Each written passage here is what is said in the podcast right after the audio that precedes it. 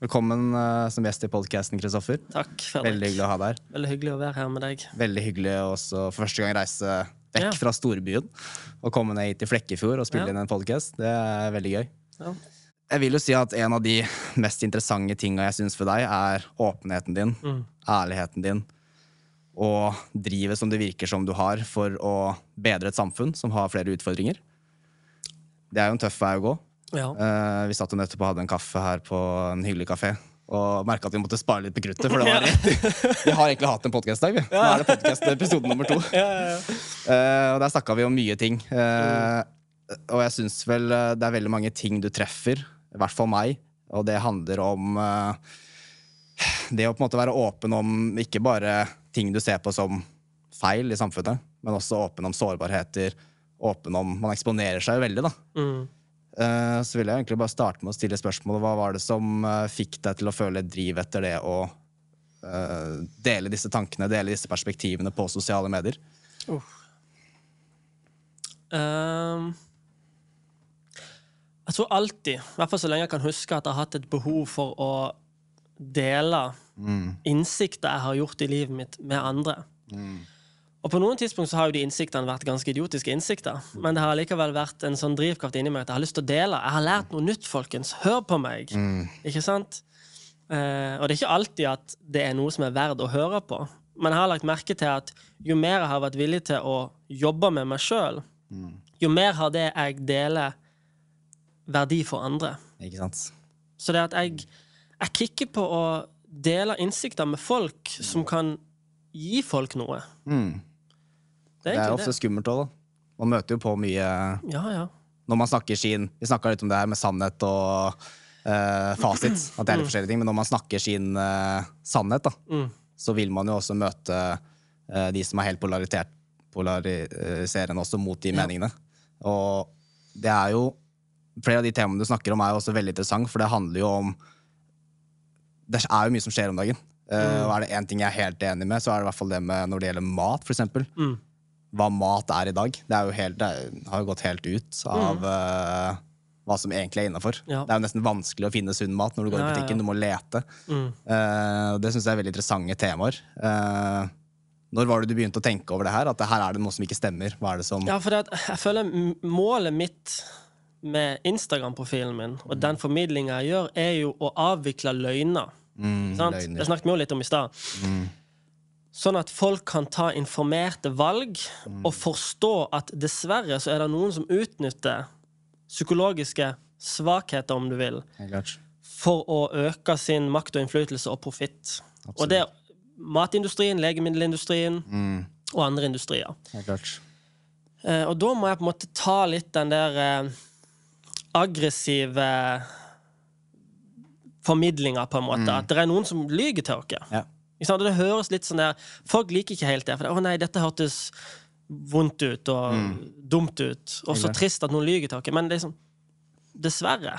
Ja, og så er det på en måte en bakside Eller det er ikke en bakside, men det er en uh, fordel av det òg. For jeg erfarte i hvert selv at når jeg begynte å observere her er det mye løgner, her er det mye ikke-sannhet. Det er folk som faktisk utnytter mennesker Ja. for egen profitt. Så dette er jo ikke, dette er ikke konspirasjonsteorier i dag. Det var det kanskje for noen år siden. Ja. Men da ser man jo at legemiddelindustrien og matindustrien og veldig mange andre industrier som tjener mye penger, at det har gått for langt. Men fordelen med det er jo at man kan ta det ansvaret selv og Ja. velge mer hva man vil mate seg selv med. Og da er det ikke bare snakk om næring, men også informasjon. Ja. Hva slags informasjon er det du ønsker å ta til deg? Ja. Jeg tror kanskje flere merker det ubehagelige rundt disse temaene. Er at shit, jeg sitter med ansvaret. Akkurat. Jeg veit ikke. Du har noen tanker der? Jeg tror det er helt sant. Og det er det det handler om, og det er det jeg prøver å snakke om òg. At vi må ta ansvar. At det er forbrukeren som styrer markedet. Ikke sant? Vi vil bli solgt drittmat. Vi vil ha magiske piller på livslang resept. Ikke sant? Vi ber om det. Derfor selger de det til oss. De utnytter bare svakhetene våre. Men når vi blir sterke, tar ansvar, blir mer robuste og motstandsdyktige, så vil vi ikke lenger ha det. Ikke sant? Ikke sant? Så jeg prøver å snakke til massen, ikke sant? istedenfor at jeg bare skylder på at det er de sin skyld. Jeg snakker hele tida om de, ikke sant? men jeg sier ikke at det er de sin skyld. Nei. Det er min, min skyld. Mm, skyld. Ja? Ansvaret. Skyld og ansvar. Ikke sant? Man må påta seg skyld Man må det. for å kunne ta ansvar. Det mener jeg. Jeg er enig med deg. Og jeg tror jo det er uh, viktigere enn noen gang òg, for hvis ikke folk står fram, og når du sier at du prater i massen så kan man jo se det på eh, hvordan folk reagerer på innholdet ditt. Du Ja. får jo flere og flere følgere, det er flere og flere som synes de temaene du tar opp, er viktig. Mm. Og jeg kan jo egentlig ærlig si selv at jeg har hatt mange av disse tankene i lang tid. Men så har jeg på en måte også vært bekymret av, over å dele det. Ja. For frykt av hva andre Ja. skal tenke, hva andre skal tro. Men jeg merker jo at det er jo en eh, pakke jeg sakte, men sikkert åpner. Blant annet med den podkasten her, å kunne prate åpent om de tinga. For jeg tror det er viktig med åpenhet, jeg tror det er viktig med kommunikasjon. Men også innse at man kan ta feil om ting òg. Når man finner ut av ting. Man kan øh, tro på en ting, og så kanskje var det ikke helt riktig, men det er jo der vi mennesker kan bygge hverandre sterkere. da. Ja. Og bare ha en åpen dialog Mm. rundt, øh, rundt sånne ting. Mm. Og så syns jeg det var veldig interessant øh, det vi snakka om litt tidligere i dag. Det med ja, barndom og sånne ting. Det med Mm. på en måte For det var én ting som vekka noe i meg når du snakka om det at du veldig lett ser når folk lyver. Ja. Og veldig lett ser når folk ikke snakker sant. ja. Hva er det som har gjort at du uh, føler du har de evnene til å se det så tydelig? Og hvordan ser du det? Jeg tror det handler om at de evnene kultiveres gjennom usikkerhet, lidelse og frykt. Mm. Og når jeg var barn, jeg er skilsmissebarn, det var mye usikkerhet og frykt eh, før skolen. Og når jeg begynte på skolen, så var jeg en villstyring, hadde mye energi, det var vanskelig å kontrollere meg, jeg gjorde ikke alltid som jeg ble fortalt. Og da var det mye usikkerhet og frykt rundt det. ikke sant? Så vet jeg ikke hvordan det ble sånn, men det ble på en måte bare helt naturlig at jeg begynte å observere de voksne veldig. Jeg var alltid veldig opptatt av de voksne. De jevnaldrende var ikke så veldig interessante, husker jeg. Jeg hadde venner og, og den typen ting, men jeg var mer interessert i de voksne. Hva er det de voksne snakker om? Hva er det de voksne gjør? Og når jeg ble så på en måte obsesst med å observere på de voksne for å liksom ha kontroll på hva de driver med hele tida, så fikk jeg veldig mye informasjon om den voksne verdenen. Ansiktsuttrykk. Jeg husker jeg var veldig opptatt av ansiktsuttrykk, og hvordan ansiktsuttrykkene samsvarte med ordene folk sa. Og jeg opplevde veldig ofte dissonans der. At det du sier nå, det stemmer ikke med det jeg ser i ansiktet ditt. Så ja. Men hva tror du det kommer av? Den uh, at man ikke snakker sant? Eller ikke snakker Jeg tror sant, man lyver. er Ja? Man er uærlig. Jeg tror ikke, det, jeg tror ikke nødvendigvis man vet at man lyver. Nei, ikke sant. Men man forteller en historie om seg sjøl og om verden som ikke samsvarer med sjela, om du vil. Med hjertet. Man kjenner det ikke at det gir mening. Man bare forteller det, på en måte. Kognitivt så funker det, men det gir ikke mening i hjertet. Og, og sånne ting kan man se i ansiktet på folk. Helt klart. Og det merker jeg at det er, uh, er veldig sånn Jeg merker det veldig godt når folk snakker fra sjela si. Så for eksempel når jeg ser deg prater om de tingene du prater om i videoen, så merker jeg at det er sjel i kropp. Her er Ja. det en lidenskap. Ja. Og da føles det ut som mer sannhet. også. Ja? Og det, du ser med en gang på mennesker Eller i hvert fall jeg, jeg kjenner meg igjen da, i det du sier. Jeg ser det veldig lett når det på en måte ikke er sjel i kropp. Når det ikke er eh, fra hjertet. Og det tror jeg på en måte er eh, dessverre også nesten mer normalt enn unormalt i dagens samfunn. Ja. På flere måter. For jeg tror Er det én tanke jeg har, da, som jeg har tenkt på lenge, så er det at jeg ja, jeg føler jeg er bevisst på det med matindustrien og legemiddelindustrien til den grad jeg kan være. For det er nok mye mer der som er verre enn det man kanskje tror.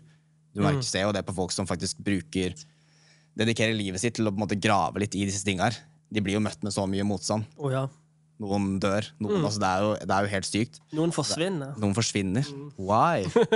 eh, men er det én ting jeg også har merket veldig de siste årene, er det hvordan jeg føler vi mennesker Altså de med mye makt, da, posisjoner i makt, de drar oss vekk fra dem vi egentlig er.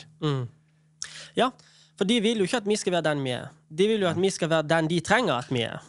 For at vi kan tjene det systemet som de har konstruert. For å øke sin makt, innflytelse og kapital. Og det er ganske sykt å tenke på, for det er så mye fint å oppdage ved å gå innover, ved å finne ditt sanne deg. Og så er jo ikke det noe fasit på hva det er. Altså, jeg tror vi, har, vi mennesker spiller forskjellige roller her i livet, Ja. så man må være tålmodig med hva andre velger å gjøre. Men er det noe jeg har merka veldig, så er det det at når jeg graver inn, så finner jeg ut at for eksempel for tre år siden, da når jeg begynte å lucid dreame, for eksempel, kontrollere egne drømmer Hvorfor har jeg ikke hørt om det før? Det er ikke noe nytt konsept. Det er jo noe som har vært i lang lang tid, men hvorfor lærte vi ikke om det på skolen? Hvorfor lærer vi ikke om å kunne stille seg selv spørsmål og få svar? Ja. Eh, reise ut av kroppen, altså disse tingene her. da. Eh, og flere mennesker jeg møter, har på en måte Kall det evner som på en måte for mange ser- ses på som usannsynlig. Mm. Nei, det der er jo, herregud, du har, du har sett for mye på film du, hvis du tror på det, og det, det er så veldig rart. da. Ja. For jeg føler at eh, vi mennesker har så ufattelig mye mer inni oss enn det vi egentlig tror. tror. ja, ja, ja. Av potensial, av 100%. Alt er umulig. Du kan få til alt du vil. Ja. Eh, Og det føler jeg at eh, Samtidig merker jeg en utvikling av at vi faktisk er på riktig vei. Jeg føler at Men nøkkelen der, når du sier at vi kan få til alt vi vil? For der er det Der er det et forbehold. Ikke sant? Mm. For at man kan ikke få til alt det de andre gjør. Nei. Man kan få til alt det man sjøl kan. For det, det handler om at Hvis du får kontakt med deg sjøl, Mm. så vet du hva du er her for, og du vet hva du skal få til. Og da fokuserer du bare på det. Men før du får den kontakten der, så vil du få til det alle andre får til. Ikke sant? Ikke sant? For det, det å fortelle barnet at du kan bli hva du vil, uten først å vise dem veien til seg sjøl, Mm, da lyver du. Det er bullshit. wow, den har jeg ikke tenkt på før. Nei.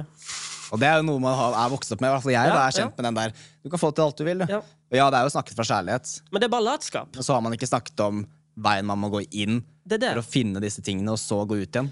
Ja, du starter i feil retning. Det er latskap. Du forteller barna dine at de kan bli hva de vil, uten ikke sant, at du forteller dem hva det krever. Mm. Hvilket arbeid du må gjøre først. Og barn er jo allerede i kontakt med seg sjøl. Så det handler jo mye mer om å lære dem å bli der. Helt klart. Jeg merker at barn er mye mer intuitive. da. De snakker mye mer åpent fra hjertet. De, har, eh, de sier ting akkurat som de føler det, og det er ikke noe, det er ikke noe agenda bak det. Det er ikke noe agenda, nei. Det er uskyldig. Ja. Nå har jo ikke jeg barn selv, da, men Du uh, har har sikkert møtt barn. Jeg jobba i barnehage, faktisk. Ja, en sant, periode. ja. Og jeg syns det var uh, Det lærte meg så utrolig mye, og jeg føler at barn er også læremestere. Oh, ja, De har så mye i seg, og det er bare Jeg er egentlig fast bestemt på den dag i dag at uansett hvor mye jeg får til med de tingene jeg driver med, og mine lidenskaper, så har jeg lyst til å jobbe i barnehage en gang iblant. Ja. Fordi det er noe, Jeg får så mye energi av det, og det på en måte sitte på et bord da, med seks, syv, femåringer, ja.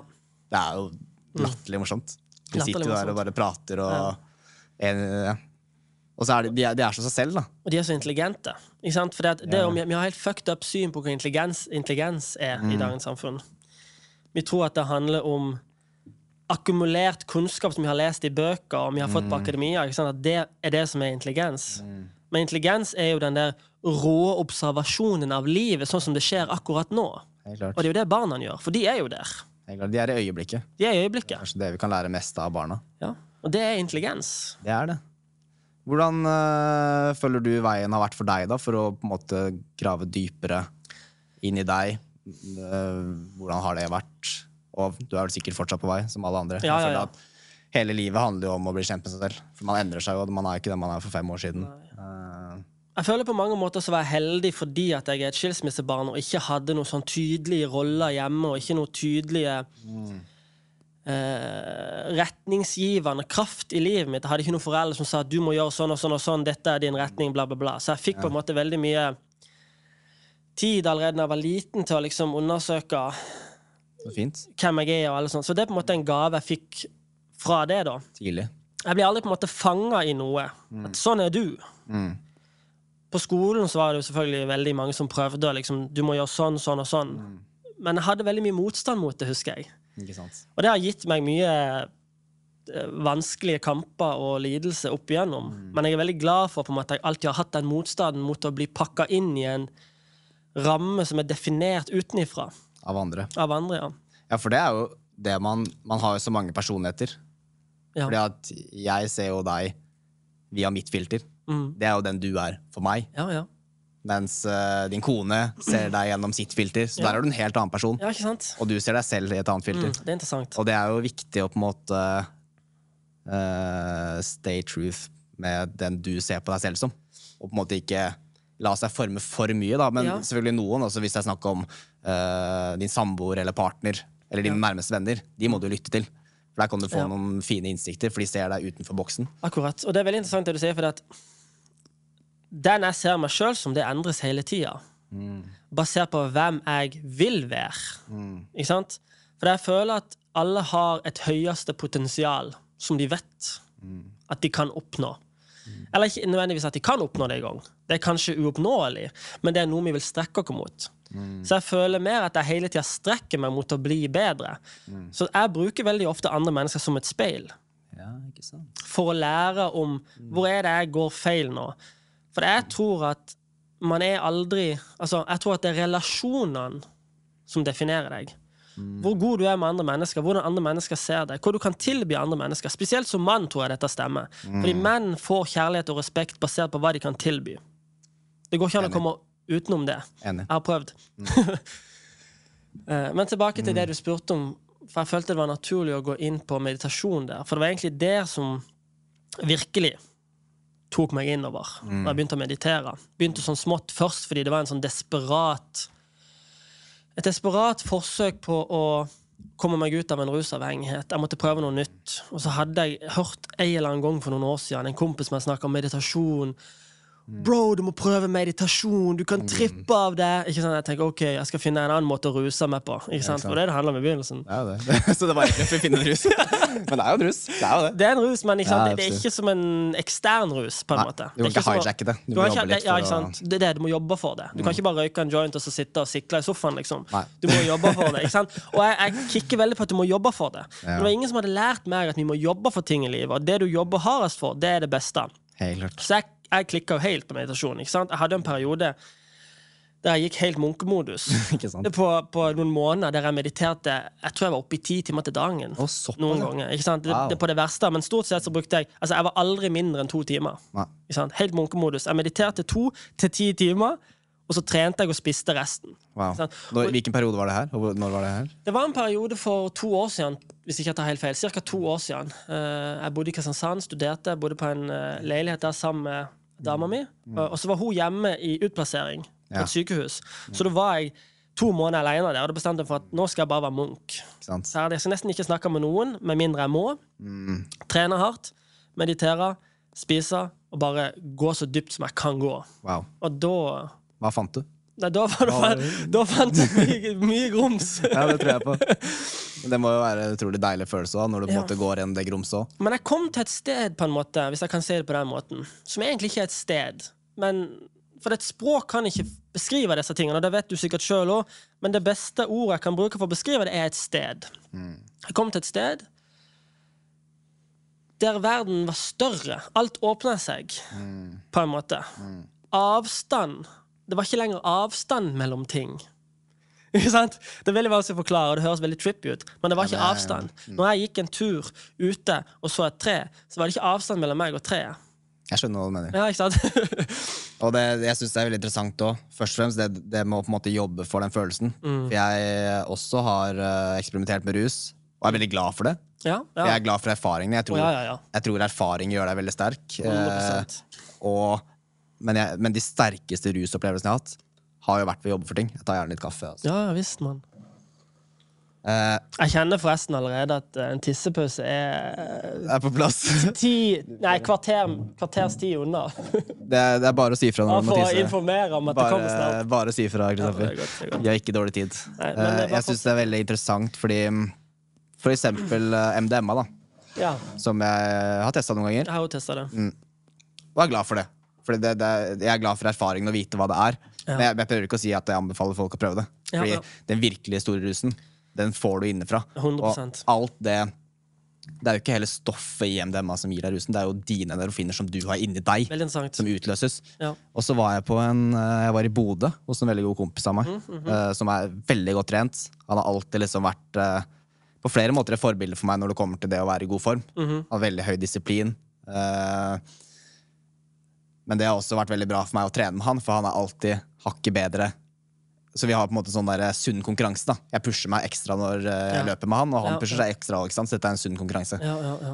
Og så skulle vi gå på en fjelltur, Mhm. og jeg veit jo inni meg at jeg er jo jævlig seig. Jeg gir meg jo ikke. Mm. Og dette var, jeg tror det var to og en halv time bratt oppover det Oi. fjellet. Hvor var det? I. Bodø, var det du sa? Er i Bodø. I Bodø, ja, ok.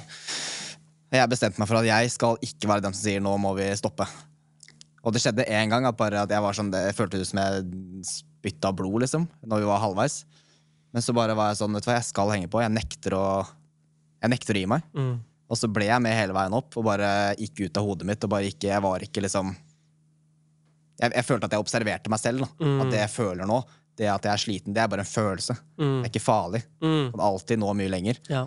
Og når jeg kom opp på toppen av fjellet, da fikk jeg en sterkere MDMA-rus enn jeg noen gang har følt på. Mm. Ja. Det var bare kortere og mer intens. ja. Det føltes ti ganger bedre. Interessant. Og det er nok det jeg føler kan være med rus, enten det kommer til eh, psykadelisk, psilocybin, sopp. eh, så føler jeg at det er på en måte naturens måte til å vise deg Ikke MDMA, for det er jo mye mer kjemisk. Mm. For eksempel sopp. da Mm. At det kan vise deg, i hvert fall for min erfaring, vise deg hva som er mulig. Men bare vite at det er mulig å gjøre det uten disse hjelpemidlene. Ja, jeg tror til jeg må ta det lenger. Det er ikke mulig å gjøre det med hjelpemidlene. Sånn. For eksempel med sopp, da. Jeg har mye erfaring med det. Det du blir vist i sopprusen, som er, høres feil å si Høres litt feil ut å si. For det, ikke, det oppleves ikke som en rus, egentlig. Nei, det ikke det. Men det kan, altså, det kan vi komme tilbake til. Men uansett, det du blir vist i den opplevelsen Jeg føler at det er ikke mulig i opplevelsen. Det er kun mulig uten opplevelsen. Men så, når du er i sopprusen, om du vil, så får du pekepinner og informasjon om noe som er mulig, som du ikke trodde var mulig. Ikke sant? Men du kan ikke opprettholde det når du fortsetter å ruse deg. Nei. Ikke sant? For det er en integreringsprosess. Du skal integrere det du blir vist. Ikke sant? Altså, dette er mulig, men du må gjøre jobben for å få det. Helt klart. Sånn? For, altså, psilocybin, sopp og fleinsopp, er jo det perfekte eh, middelet for de som vil jobbe. Mm. sant? For det krever arbeid og ansvar. Helt klart. Det er veldig interessant, og det, jeg hørte en forklaring på det her en gang som resonnerer veldig med hva jeg erfarer med det her òg. Det er at du kan være på den eh, turen med sopp, og etter turen så har du på en måte la, la du er et skrivebord da, på en PC. Alt det gamle det blir bare satt på en Ja. mappe som heter eh, gammel bullshit. Ja. Men det er veldig lett å gå inn på den Ja, etter den her. For det er, det er jo da jeg har på en måte opplevd uh, ting som Altså, Du har ikke lyst på nikotin engang, når du er på det, for du skjønner at det er bare det skurrer. Det er. Mm. ikke riktig. Og du føler deg også mye mer connecta med naturen. da. Jeg synes også Det var veldig interessant det du snakka om, at du Jeg er også litt mer nysgjerrig på hva du mener med det med avstand til ting. Mm. Fordi den connection man gjerne får, i hvert fall i en dyp meditasjon, da, Mm. er at uh, ofte etter sånn 20 minutter, når jeg er skikkelig avslappa, Mm. så begynner jeg å smile inni meg. For jeg føler en helhet, jeg føler en oneness, Ja. som på en måte jeg føler kommer fra Det kan være kjærlighet. Mm. Og jeg føler at den også tar seg videre ut i naturen og andre ting. At du føler deg veldig connecta med mennesker. Mm. For vi er jo i samme greie her. Ja. Vi sitter jo i samme altså, Ja, vi har en avstand, men det er veldig mye mellom oss som vi ikke ser. ja. Føler jeg i hvert fall. Men hva, hva legger du i den avstanden? Eller den, følte du deg liksom mer connecta til ting? Trær? Eller hva er det du Eh, Jeg har lyst til å snakke mer om avstand, men først så går jeg på do og tisser. Det skal du få lov til. Da blir det større avstand mellom oss. Ja. Hva sa du? Ja, ground litt. Det er også et stort topic om dagen. Ja. Jeg føler det gir mye. Det står på gresset litt barbent. og bare- oh, ja, ja, ja. 100 Det er som skjer. Det er jo en sånn der eh, tapt eh, ting i dag. Det er, så, det er så mange ting, sånne enkle ting vi kan gjøre for å få et bedre liv, som vi har mista. Vi har mista trua på at det funker. Vi har mista noen som formidler det til oss. Det er jo en sånn rolle jeg vil ta på meg. At liksom, ok, Ta av deg skoene og sokkene og stå på gresset litt. Begynn å puste med nesa. Sett deg ned ti minutter og lukk øynene. Altså, det, det, er så, det er så mye enkelt vi kan gjøre, ikke sant? men vi, vi, vi har en sånn der veldig sånn der maksimalistisk tendens i samfunnet. Der alt skal være så stort og vanskelig og intrikat, på en måte. Helt klart. Og så har det jo kanskje aldri vært lettere å stimulere seg selv heller. Nei? Det er stimuli overalt. Ja, ja, ja. Det er et nesten stort problem. angrep. Og det kan jeg merke selv. Om det er et angrep, ja. Det er et angrep, det er bare rett inn i hodet ditt. Ja, ja. har, eh, og det går jo på alle fronter. Men det er jo designa for å utnytte deg. Ikke sant? Jeg kommer tilbake til det vi snakket om i sted. Det er designa for å utnytte deg. Det er det.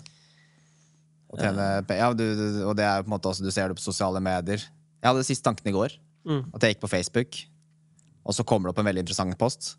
Men veldig ofte når du går inn på Facebook, så kommer den opp, og så kommer det noe nytt med en gang før ja, ja. du rekker å lese. Ja. Det er akkurat laget for at å, men nå må jeg scrolle ned og finne den. Men stort sett når du begynner den scrollinga, så mister du bevisstheten på en eller annen måte. ja, ja. Det er veldig sjukt, men jeg, jeg bare Shit, ass, jeg blir litt skremt. For jeg er bare sånn Jeg skulle egentlig bare finne en greie, men nå sitter jeg, jeg går på den videoen, da. Og så bare mister du bevisstheten. Mm. Og så kan tida bare Men jeg har veldig blanda følelser når det kommer til det med sosiale medier. hvordan det fungerer, fordi at Jeg bruker sosiale medier til å få fram mitt budskap, og da må jeg benytte meg av reglene. på en måte. Og reglene er jo at folk vil at det skal gå kjapt, og det skal gi rask stimuli, og det skal, det skal hooke de inn, osv. Så, videre. så jeg utnytter jo det systemet, på en måte. Men det er jo litt sånn med tanke på er du en consumer eller er du en creator. Ja, jeg er jo definitivt en creator. Absolutt, jeg kjenner meg igjen. Og man må jo på en måte til en viss grad også uh, spille spillet litt, da. Man må jo det. Uh, og det samme for å gjøre en endring. Men det er, ja, ikke sant, det er akkurat det. Du kan spille spillet Du kan bruke spillet for å gjøre en endring. Ikke sant? Nå de som har mest makt og innflytelse i dag, de bruker spillet til sin egen fortjeneste. Jeg vil bruke spillet for oss. For oss. Vi. Ikke sant? For fellesskapet. For hvis du hadde på en måte Ja, man kan se at det er feil.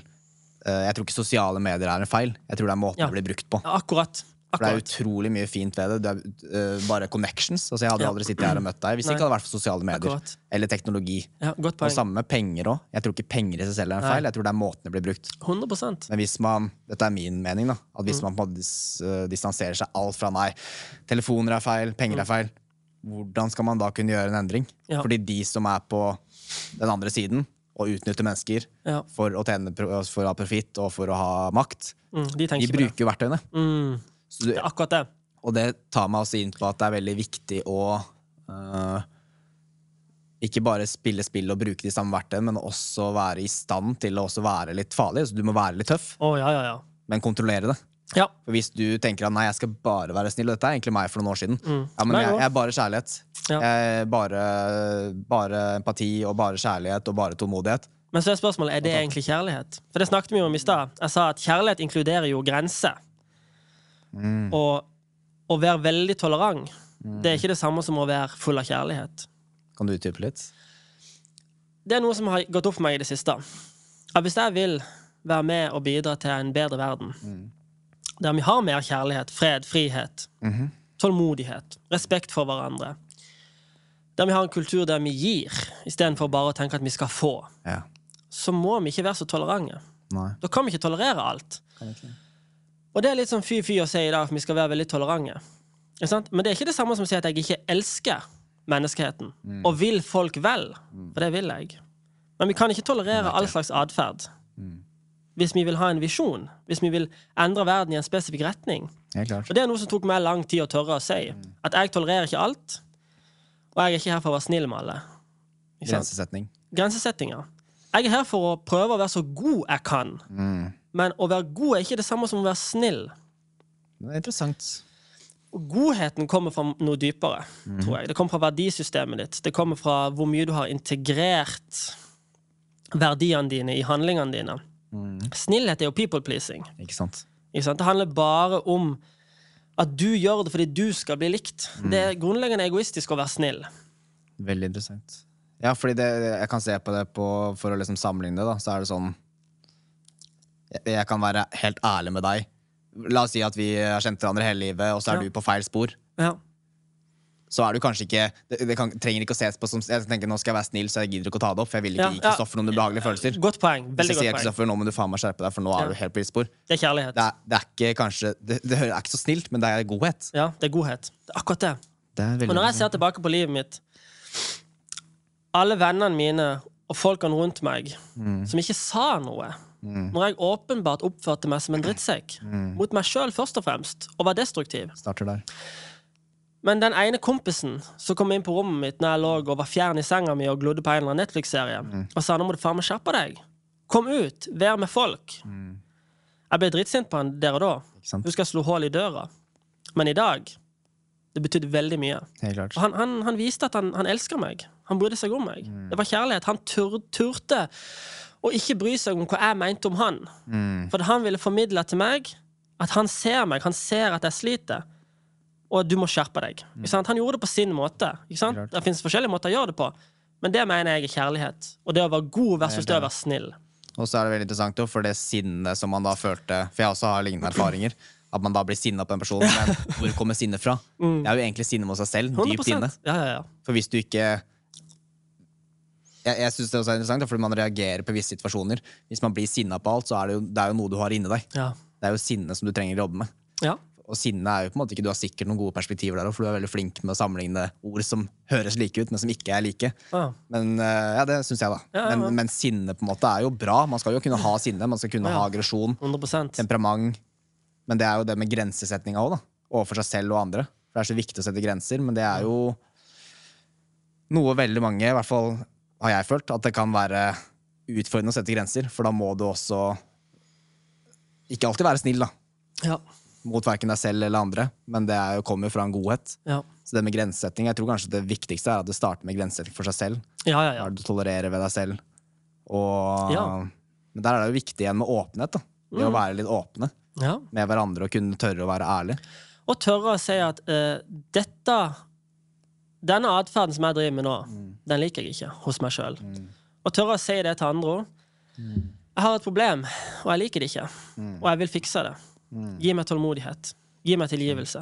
Ikke? Vis meg nåde. Vi, må, vi må vise hverandre mer nåde, så folk kan tørre å si jeg har en svakhet, jeg skulle ønske at jeg ikke var sånn, og jeg vil gjerne bli bedre. Men det er ingen som på en måte tør helt å, å være svake for hverandre på den måten og innrømme at jeg er dårlig. Mm. Jeg er ikke god nok. Hva tror du det kommer av? da? Jeg tror vi prøver å beskytte dere mot å bli kritisert. Mm. Jeg tror vi er redde for å bli kritisert. Og det tror jeg kommer kanskje fra oppvekst, fra barndom. Klart. Kanskje at dømmende foreldre. Som Skolesystem. har skolesystemet òg? Som har kritisert uten å bygd opp. For jeg tror på kritikk. Jeg søker kritikk fra folk. Jeg elsker når folk kritiserer meg. Når de setter seg ned og kritiserer meg ordentlig. Når de har tenkt seg om. Mm. For det, det er jo kjærlighet. For da viser du at du bryr deg om den andre. Ellers hadde man ikke giddet å hatt en Ikke sant? Du har eh, tatt deg tid til å analysere hvordan jeg oppfører meg. Og så kommer du med en kritikk til meg. Tusen hjertelig takk. Jeg skal ta det med. Jeg skal ta det til betraktning. Ja, for det er ikke personlig, det er et perspektiv. Perspektiv, ja. Og Og ofte jo- så har de noe rett. Jeg tror det er veldig viktig å være åpen om det, og det merker i hvert fall jeg som eh, driver med veldig mye kreativt og jobber med andre kreative mennesker. Det er så viktig å legge egoet sitt til siden. Oh, ja, ja. I hvert fall det usunne egoet som ikke ønsker noe kritikk. Som alltid Ja. ønsker å Det verste jeg vet, er når jeg viser et produkt til noen. Altså ikke produkt, da, men det kan være en sang eller Det er jo et produkt. Det er et produkt.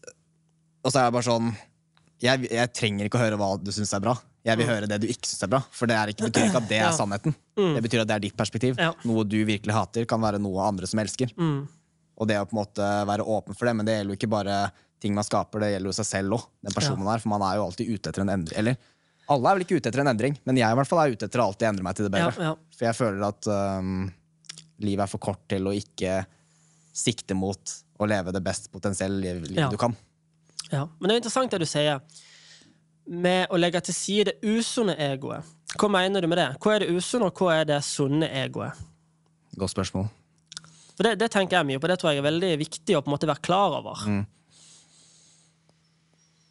Jeg, det jeg legger i det, er at jeg tror at ego kan være bra å ha, men ha kontroll over det. Ja. Eh, det samme som vi snakka om litt tidligere, det å kunne være kapabel til å være farlig. Mm. At det er ikke en dårlig ting, bare du har kontroll over det. Ja. Men så er det helt opp for andre perspektiver på hva ego egentlig er. For Ja. hva er egentlig ego? Mm. Um, jeg føler jo at ego også på mange måter kan bremse deg litt, for det skaper en distans mellom deg og andre ting Ja. i den verden man lever i. ja, det er sant. Fordi, Jeg kommer tilbake til det vi egentlig skulle snakke om. ja, det var det, ja, ikke sant? ja, fordi, ja, ikke sant? Men da kom vi naturlig inn i det, da. Uh, fordi jeg hadde vel egentlig kanskje ikke trengt å si, sagt usunt ego heller, for at sunt eller usunt ego Ego er jo ego, men det er bare hvordan Nei, men Jeg er med på tanken om at det er visse aspekter ved egoet som er destruktive. Ja, Og visse aspekter av ego som er produktive. Er klart. Jeg liker å kalle det for destruktivt og produktivt. Ikke sant? For eksempel det med ambisjon. Mm. sant? Eller et eksempel som jeg liker å bruke, er grådighet versus aspirasjon. Sant? Ego er grådig. Ego vil ha mer og bli større og bli sterkere og få mer makt og mer innflytelse til enhver pris. På bekostning av andre. Det er på en måte det usunne aspektet. Men når du forstår det usunne aspektet, når du forstår grådighetens natur, så å kontemplere over det, sette deg ned og faktisk vurdere det, og se på det i ditt eget liv, så kan du transformere det. Jeg vet ikke om du gjør det sjøl, men om det transformeres av seg sjøl når du belyser grådigheten, så transformeres det til aspirasjon. Det er min erfaring. Aspirasjon er akkurat det samme. Mer, større, sterkere. Men det handler ikke om å gjøre det på bekostning av andre. Det handler om å gjøre det sammen med andre og for andre. Mm, Du gir deg sjøl til andre, versus du forventer noe av andre. Jeg liker den veldig godt, fordi det var interessant at du nevnte det, fordi jeg satt og tenkte litt på når du snakka om det der, med det å Også med tanke på avstand, da. For når jeg ser på andre mennesker, så føler jeg ikke at du på en måte Ja, du er en annen person, men du er jo en del av meg, på samme måte som jeg er en del av deg. Mm. Og med Ja. den tankegangen, for min del, da, så skaper det et rom for større åpenhet, større tålmodighet og større respekt. Ja, ja. Fordi eh, man møter jo seg selv i andre. Mm. Hvis jeg har masse ting inni meg som ikke er jobba med, så vil jeg på en måte også se flere feil hos andre, til en viss grad. Mm. Jeg vet ikke om du skjønner tanken her, men det er jo, Jo, for det er jo ikke noe avstand der. Vi er jo på en måte ja, og, og her er det jeg tenker om det. Fordi jeg kom jo til det punktet ikke sant? der jeg opplevde det er ingen avstand her. Alt er ett, basically.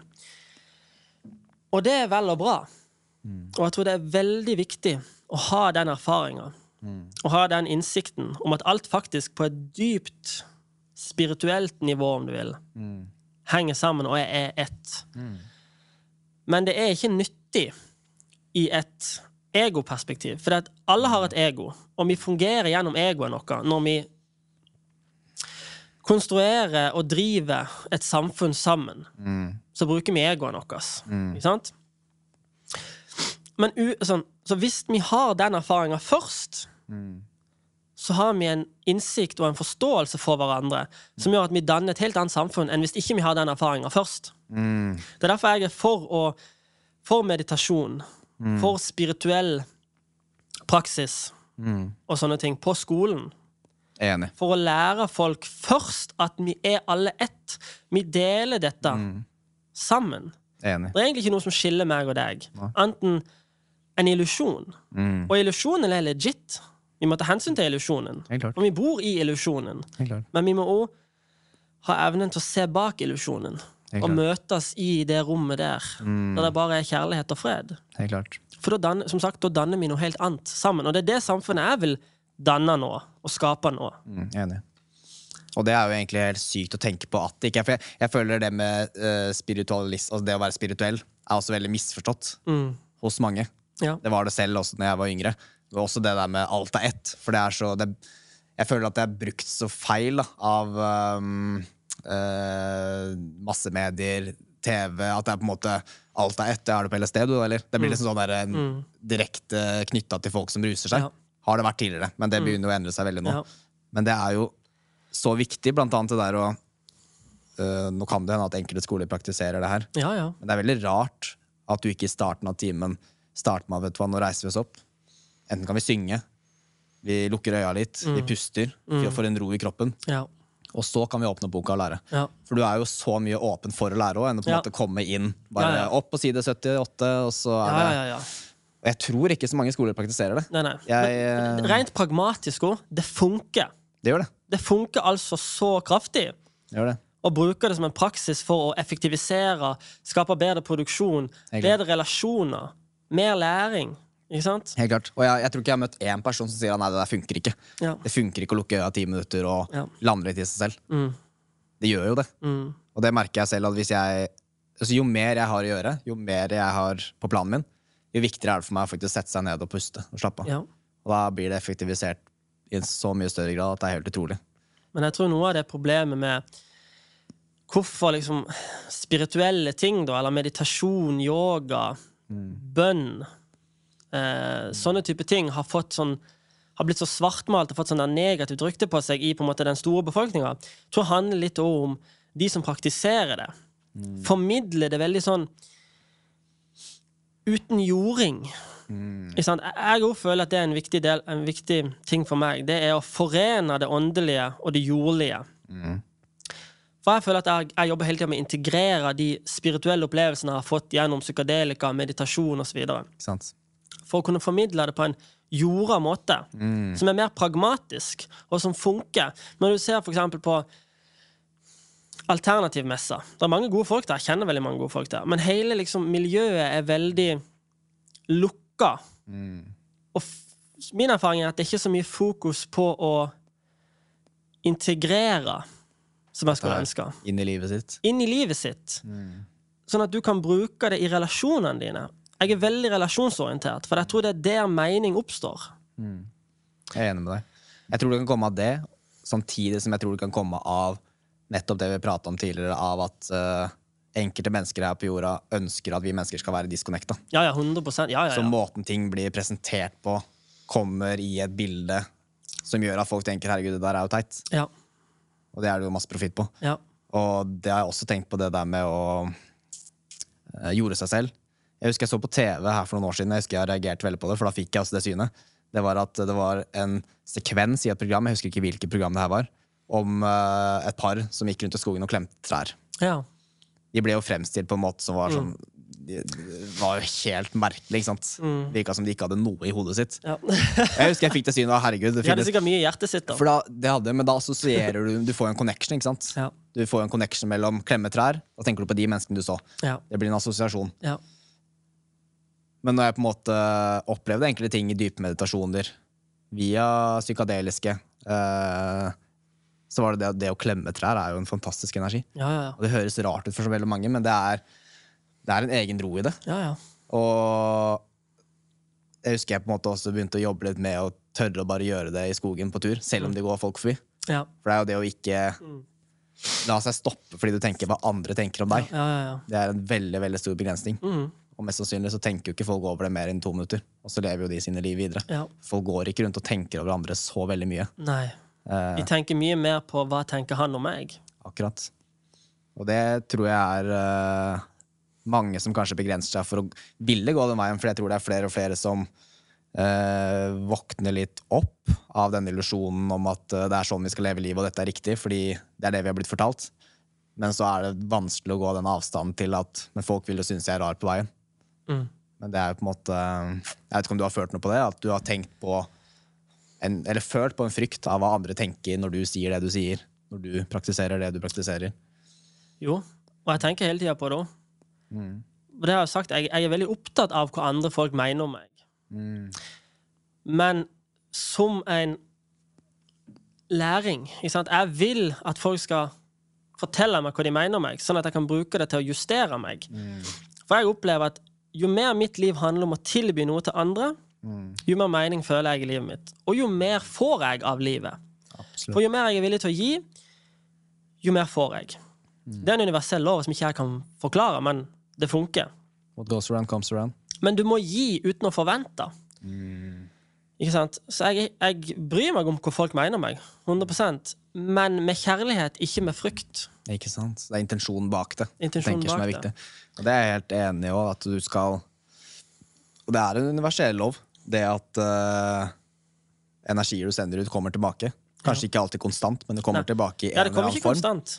Eller det kommer ikke sånn som du sier. Det kommer ikke momentant. Nei, det kan komme liksom, Du kan gi noe til en annen person, og så kan du få noe av en annen. Ja. Men det, det er en magi Jeg kaller det magi. Det er en universell lov, da. Og det samme gjelder jo eh, for eksempel det å jobbe med takknemlighet. Mm. Ikke jobbe med takknemlighet fordi du har lyst på mer, men bare jobbe med takknemlighet fordi du føler det. For jeg tror det er følelsene våre Ja. som er den sterke energien, Mm. som sender det ut, og som da vil tiltrekke seg mer av den like energien. Og jeg vet ikke om dine erfaringer der, men det å Hvis du er takknemlig for en spesifikk ting, da. For eksempel, jeg er takknemlig for at det dukker eh, muligheter opp i livet mitt. Jeg er, takknemlig for å, jeg er takknemlig for at jeg kan le masse. Mm. Hvis jeg praktiserer det og går inn i følelsen av hva det gir meg, Mm. så kommer det jo bare mer ting Ja. av den samme greia. Ja, ja, ja. Det er min erfaring òg. Altså, og takknemlighetspraksisen for meg, den starta egentlig helt av seg sjøl. Som en naturlig del av denne her meditasjonspraksisen. Etter hvert som på en måte egoets destruktive krefter roa seg ned, og verden ble mer åpen, og jeg følte mer kjærlighet, så bare begynte en sånn stemme inni meg å bare si takk. Sånn, det gjorde det, og det var ikke takk for noe. Nei. Det var bare takk. Takk, takk, takk. Det er sånn, jeg, jeg gikk rundt i dagevis og bare kjente takk, takk, takk, takk. takk. Det ble nesten mantraet mitt. Takk for at jeg er her, takk for at jeg lever, takk for dette. Det var ikke noe spesifikt engang. Bare, Bare bare takk.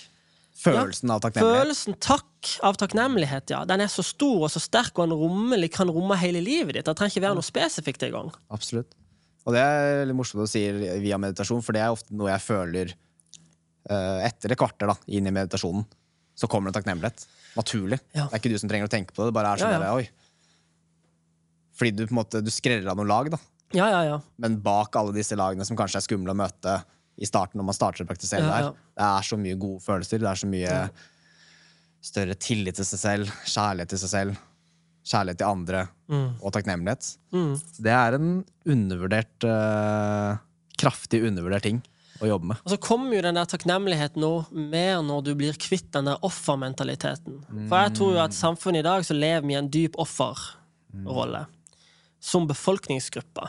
Veldig mange bor i en offerrolle, tror jeg. Jeg er Det er iallfall det jeg opplever. Og når den på en måte forsvinner og, og Det var den, det er liksom de lagene jeg skrelte av meg. Med at jeg er ikke følelsene mine, jeg er ikke tankene mine, jeg er ikke historien min, jeg er ikke hendelsene som har skjedd meg. Observerer. Og når du kommer liksom til at alt du er, er på en måte observ... Altså, den som observerer livet ditt stille. Sant? Du er et stille vitne i ditt eget liv, på en måte. Som alltid er der. Og når du får den kontakten der, så er det ingenting igjen. Altså, det er ingenting mer å gjøre enn å si takk. Det er sant. Det er veldig rart, den følelsen der. Det at du på en måte observerer. Det er en befriende følelse, men også en veldig rar følelse. Ja. Eh, fordi um, det befriende med det for min del er at jeg kan merke at hodet mitt dømmer andre. Mm. Så kan jeg merke at nei, men hvorfor gjør jeg det? Du på en måte tar en avstand til tankene dine. Ja. eh, som gjør at du setter deg mer fri fra så en enkel, Et enkelt eksempel da, kan være at jeg kan gå i på Grünerløkka, for eksempel, så ser jeg en person som kler seg rart. Eller ikke rart, men på en annen måte enn andre. Ja. Så er det noe i meg som bare Herregud, se på han, da. Mm, mm, Og så bare, Hvorfor har jeg den tanken her? Det er jo ikke noe å si det. Det er veldig bra av det. Mm. Eller du kan føle på sjalusi, ja, ja, ja. men så kan du på en måte Du kan føle på det, men du er ikke sjalusien. Mm, Du er den som observerer det. ja.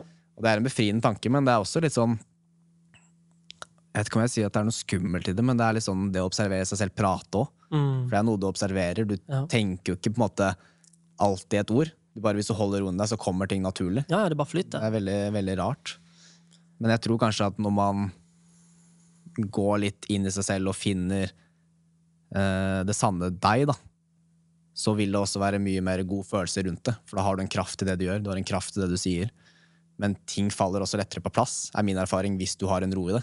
Og bare observerer menneskene rundt deg, Ja. men tar den tiden til å steppe ut. da. Mm. Jeg tror mye av det jeg prøver å fortelle, er, er, handler om bevissthet. ja da. Bevissthet, ja. Fordi det hender fortsatt den dag i dag at jeg kan være i en tankebane, og så plutselig etter ti minutter på sånn, shit, nå jeg, Det var som jeg ikke var bevisst. Mm. Det bare skjedde. ja. Men det å være bevisst over ting gjør at du får mye mer kontroll også over hva slags tanker du ønsker Ja. å velge å fokusere på. Og så kan du bruke alt som noe du kan lære av. Sånn som sjalusi, for eksempel. Sånn som sinne, bitterhet. Alle disse følelsene. Når du får den der muligheten til å observere det, så OK, der kommer sjalusien. Hva skal jeg gjøre med det? Hva betyr det? Hvorfor er jeg sjalu nå? Så kan du begynne å stille spørsmål, så kan du lære noe hele tida. Helt klart. Og så klarer du å løsrive deg fra det. Istedenfor å sitte i den sjalusien. Så forstår du med en gang ok, jeg er sjalu av det. Noe av det er irrelevant eller irrasjonelt, men noe av det er legit fordi jeg har lyst på det. Og det er meint for meg. Jeg føler at jeg skal ha det.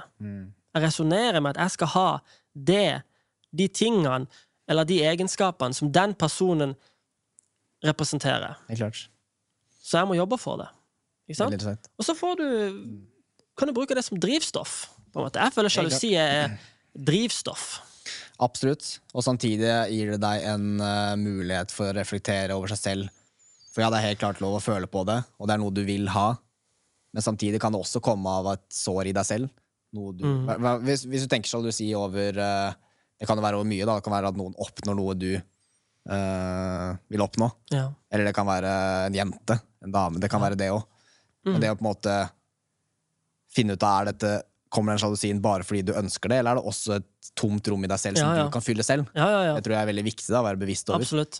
Men som du sier det stiller seg spørsmål hvorfor føler jeg på det? Mm. Og så kommer du jo, og du føler det. Hvorfor har du det?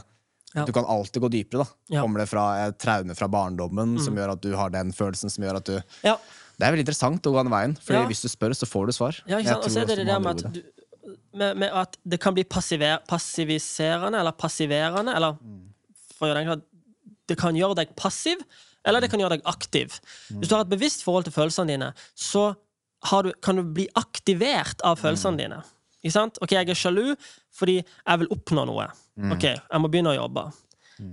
Men hvis du lever i på en måte den der offermentaliteten og den der traumeenergien mm. så er det sånn åh nei, jeg har ikke det, jeg kommer ikke til å klare det. Nei. Uff, de har det.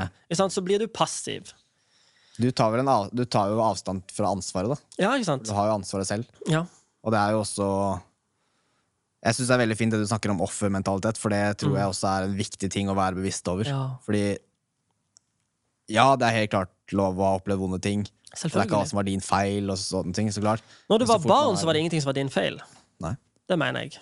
Ja, jeg er enig med deg. Og samtidig er det at når du, hvis du blir et offer, da har du da har du tapt. Da, har, da, det tapt. det, da har ikke du ansvaret over det. Nei, det er det. Og ansvar er den ultimate friheten. Sånn som jeg ser det. Absolutt. Det er, det er veldig interessant. Og samtidig så er det det med Det var en tanke, annen tanke jeg fikk. Ehm, jo, med det med sjalusi. At hvis du ser noen får til noe du ønsker å få til, mm. så er det jo en gave. Ja, ja visst. Det er universet som viser deg For Ja. det, det husker jeg hadde mye da jeg var liksom sånn ja, Hvis vi går ti år tilbake, da. Uh, nei, nå ljuger jeg. Jeg hadde det for noen år siden nå. Skal være ærlig her. Uh, så ser jeg noen som på en måte Jeg som driver med musikkproduksjon, da Mm. ser noen som på en måte uh, gikk viral på Instagram og TikTok med beatsa sine eller Ja. musikken sin, Mhm. og på en måte følte sånn derre Å, shit, jeg skulle ønske jeg fikk til det der. Ja. Men å transformere den energien til shit, her fikk jeg en gave fra universet. Mm. Jeg ser nå hva som er mulig, Ja. og så kan du gå den retninga. For hvis Se for deg at du hadde vært best i alt i hele verden. ja.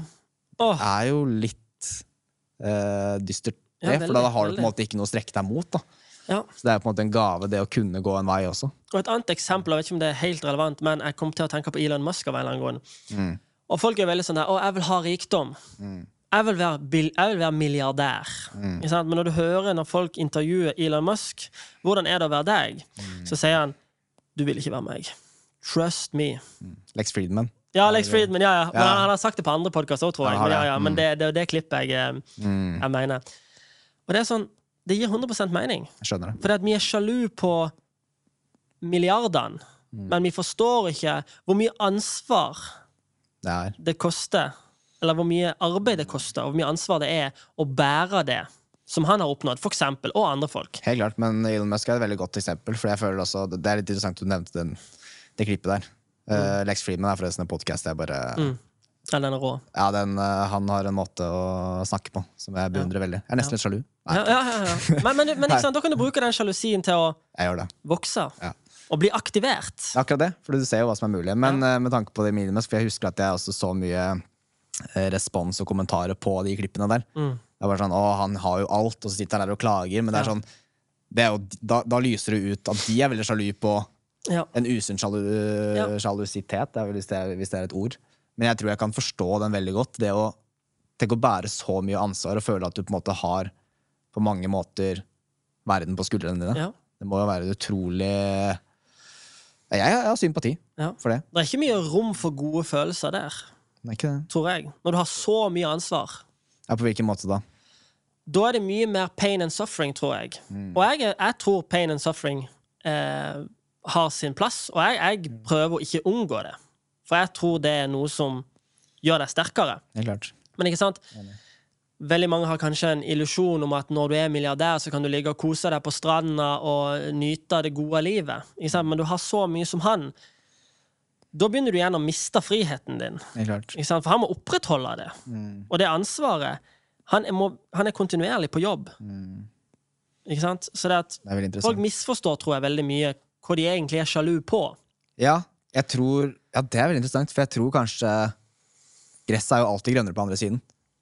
Fordi jeg tror liksom Jeg tror det er så lett Mener du det, eller om at gresset er grønnere på den andre sida? For jeg tror ikke Nei, jeg gress- mener ikke det, Nei. men, men det er veldig Det er tankegangen folk har. Ja, ja, ja, ja, ja, okay. og, og, ja det er tankegangen. Da- da er Men jeg kan ta meg selv i det òg flere ganger. At jeg, hvis jeg hadde gått tilbake tre år tilbake i tid, hvor jeg begynte å skrive ned mine manifestasjoner, Mm. hva jeg ønsker. Jeg har alt. Mm. Ja. Og er takknemlig for det. Mhm. Men likevel så er det ikke Det er på mange måter ikke den derre lykkefølelsen. ja. Jeg vil se på meg som altså jeg, jeg er glad person, jeg, Ja, jeg er en livsnyter, jeg er. Mm. glad i livet, jeg liker utfordringer, men samtidig så var det på en måte Det er aldri helt som du tror, da. Nei, nei. Fordi jeg, øh, jeg tror aldri du vil kunne få intern glede og lykke og tilfredsstillhet øh, fra eksterne ting. Aldri. Det kommer internt, Ja. og det er en jobb. Så jeg tror uh, veldig mange, for eksempel det å oppnå tidlig suksess, da. Mm. Under de som har det, og det er mange som klarer seg fint med det, men jeg tror også det er veldig mye hardere enn det mange Ja, ja, ja. ser for seg. 100% Fordi du starter i ung alder med å få ekstern validation. Ja. Nå er ikke norsk ord for det. Uh, Validering. validering, ja. Og jeg tror veldig mange opplever utfordringer ved det, da, og ikke på en måte hente det innenfra. Mm. Ja. For det er jo der det kommer. De gangene jeg har følt meg mest lykkelig, Ja. er når jeg sitter og mediterer. Ja, men, men og, og det minner meg på et bilde. For det det, det kommer ikke et punkt der du er ferdig. Det kommer ikke et øyeblikk der ok, nå har jeg alt, nå er alt perfekt, nå er det fred og ro. Nå kan jeg slappe av, for alt er på plass. Alt i den ytre verden er under min kontroll, så nå kan jeg slappe av. Det er bullshit. Jeg liker å se på et bilde om at jeg er på en klatretur. Sant? Og jeg prøver ikke å komme til toppen. Jeg prøver bare å fortsette å klatre. Det er ingen topp. Det er bare en evig klatretur. Sånn ser jeg på mitt liv. Sånn, mange tenker kanskje at det høres litt slitsomt og tungt ut at du alltid må klatre, men mening kommer i klatringa. Mening kommer i å være i gang med noe. Til og med når du mediterer. Det er bevegelse. Når jeg mediterer, det er ikke passivt i det hele tatt.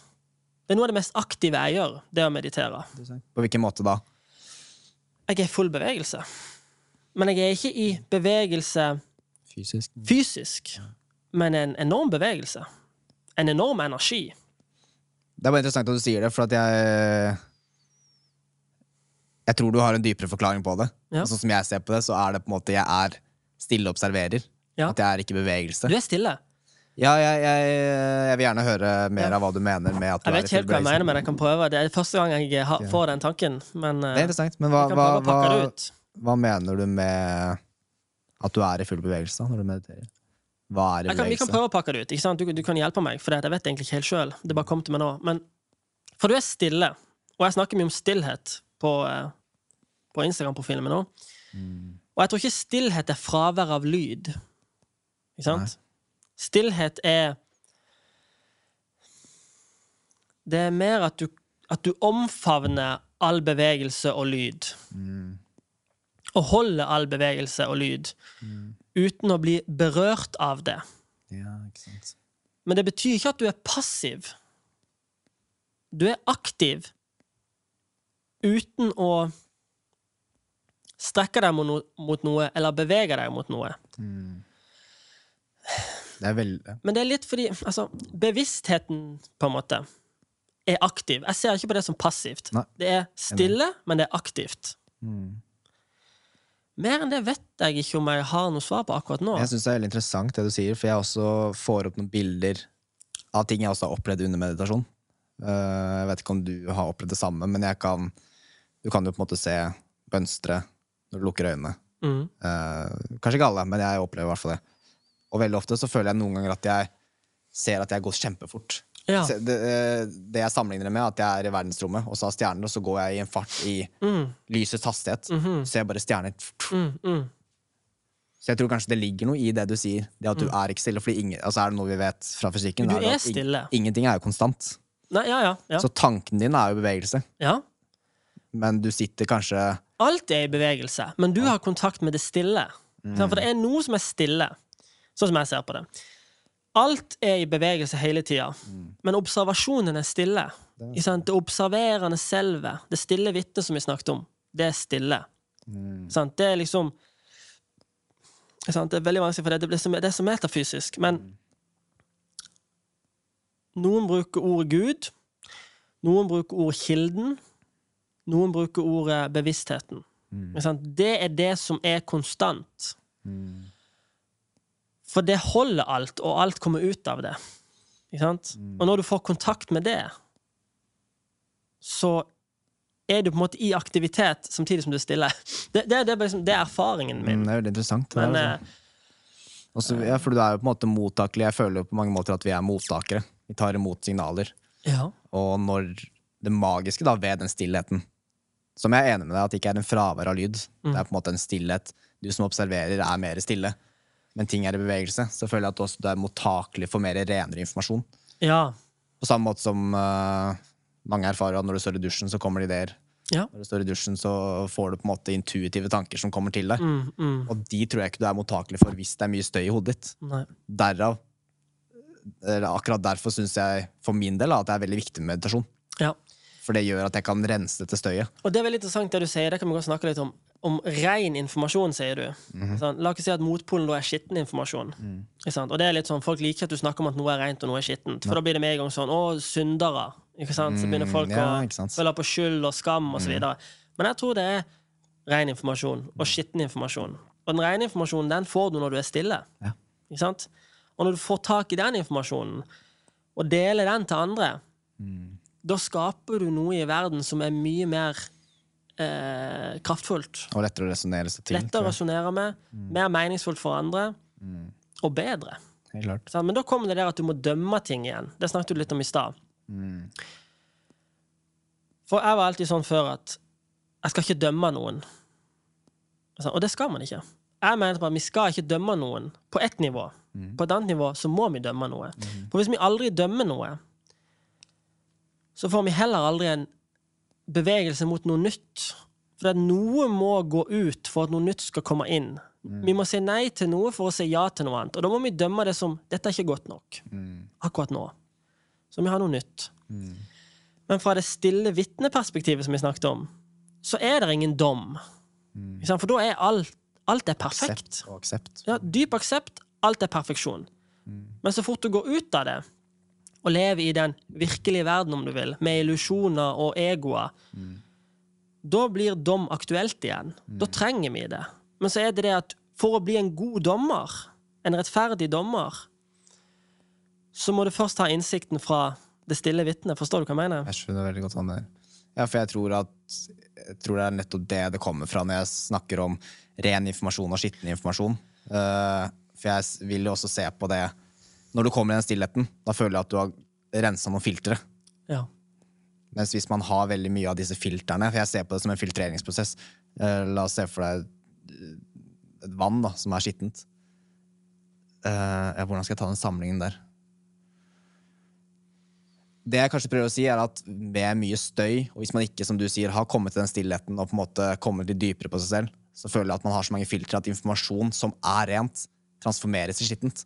Skjønner du hva jeg mener? Nei, ikke helt. Men uh, fortsett.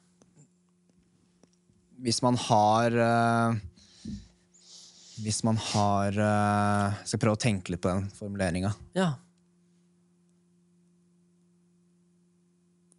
Um, la oss si at du har rent vann da, som renner ned et rør, Mhm. Og så er filterne på en måte, de er ikke rensa, de er skitne. Ja, sånn, ja. Så vil jo det vannet bli skittent. Ja. Og det samme kan jeg se på litt med tanker du tar imot. For jeg ser på i hvert fall sånn at vi er mottakere for tanker. Så vannet er informasjonen. Ja, Som kommer til deg til slutt. Ja. Og filteren det er dine egne narrativer og historier. Ja, personligheten man kanskje har bygd seg opp for å beskytte seg selv. Eh, andre stemmer som ikke er dine. Um, og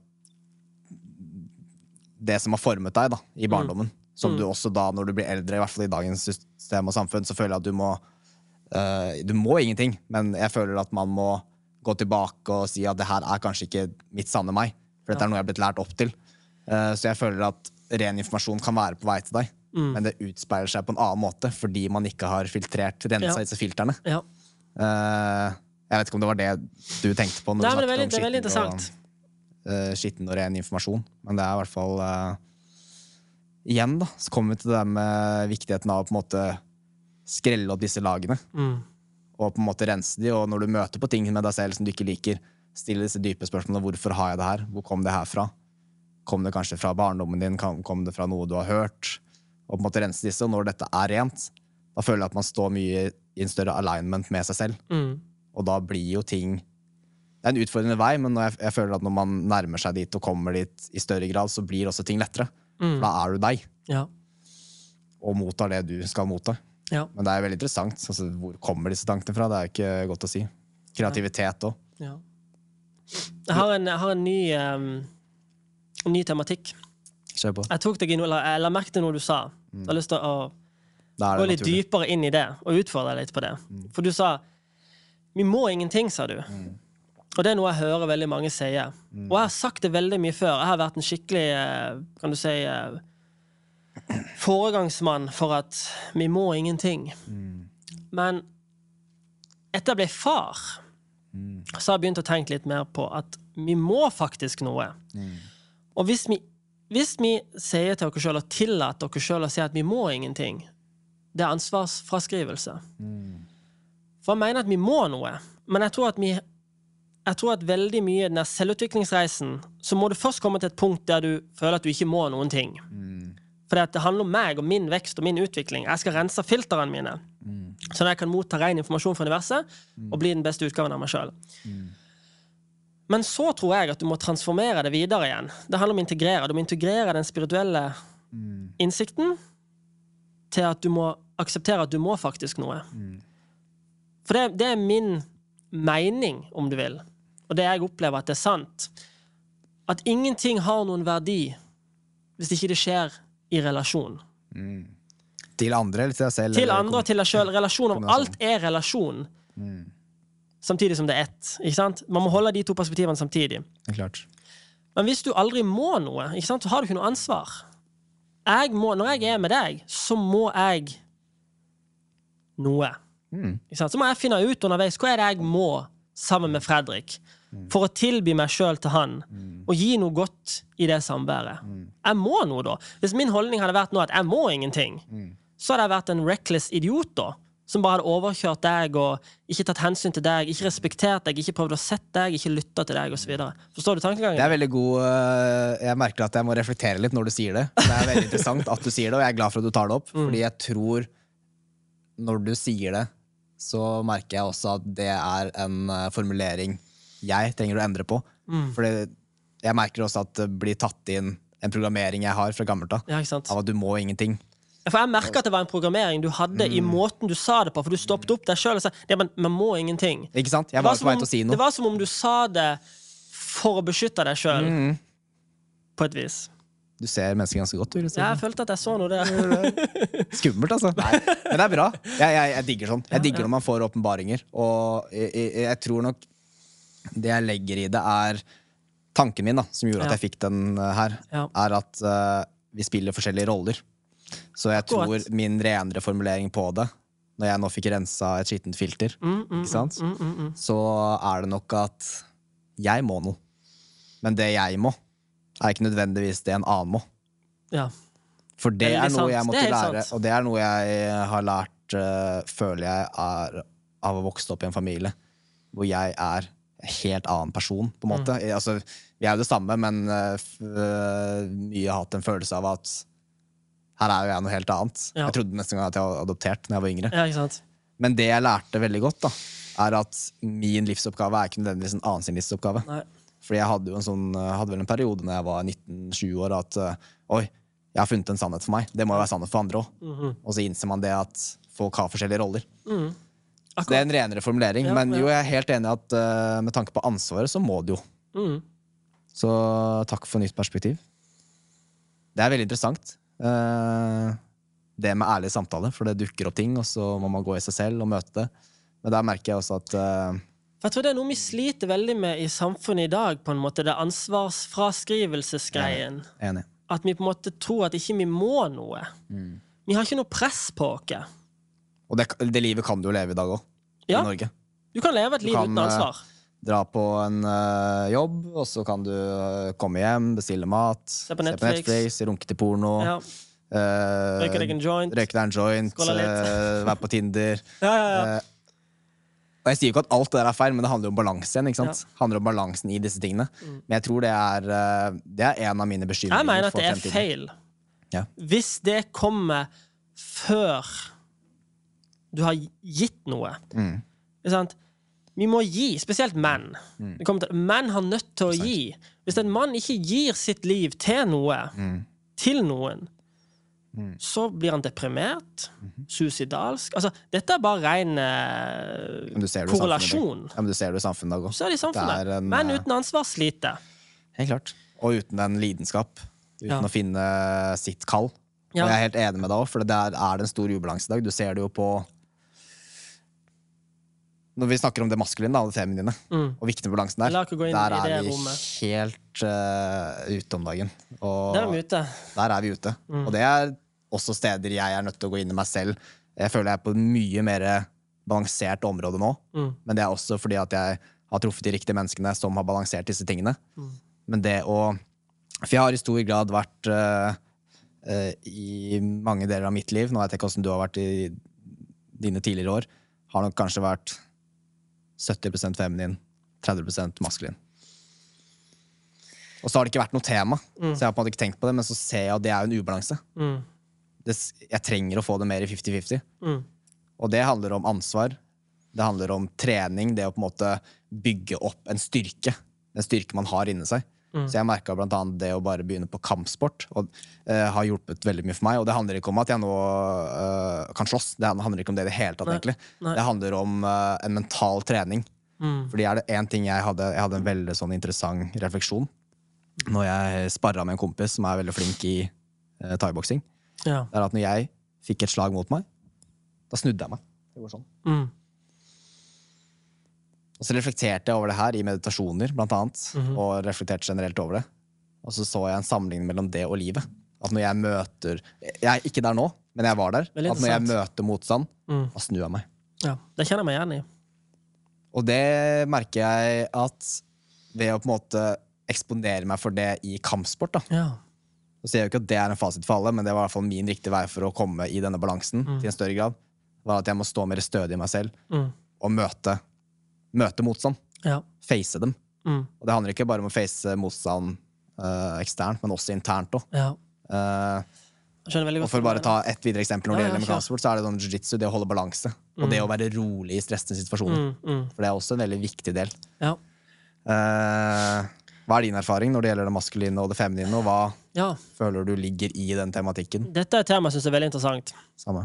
Uh, men jeg, jeg sliter personlig litt med det at det skal være den der 50-50-balansen.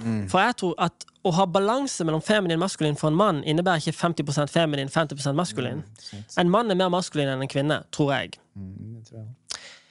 Og jeg tror at en mann må være mest i sitt maskuline. For at hvis en mann er mest i sitt feminine, så tvinger det kvinnen til å være mest i sitt maskuline. For å skape balanse. Så balansen kommer i unionen, i relasjonen. Jeg er veldig opptatt av relasjoner, som du hører. Og jeg tror at aleine så er du ingenting. Balansen skjer mellom andre. Ikke sant? Klart. Så i mitt partnerskap, da, for eksempel, så var jeg veldig feminin til å begynne med. Veldig passiv. Veldig mer mottagelig, mer sånn intuitiv, mer eh, følsom.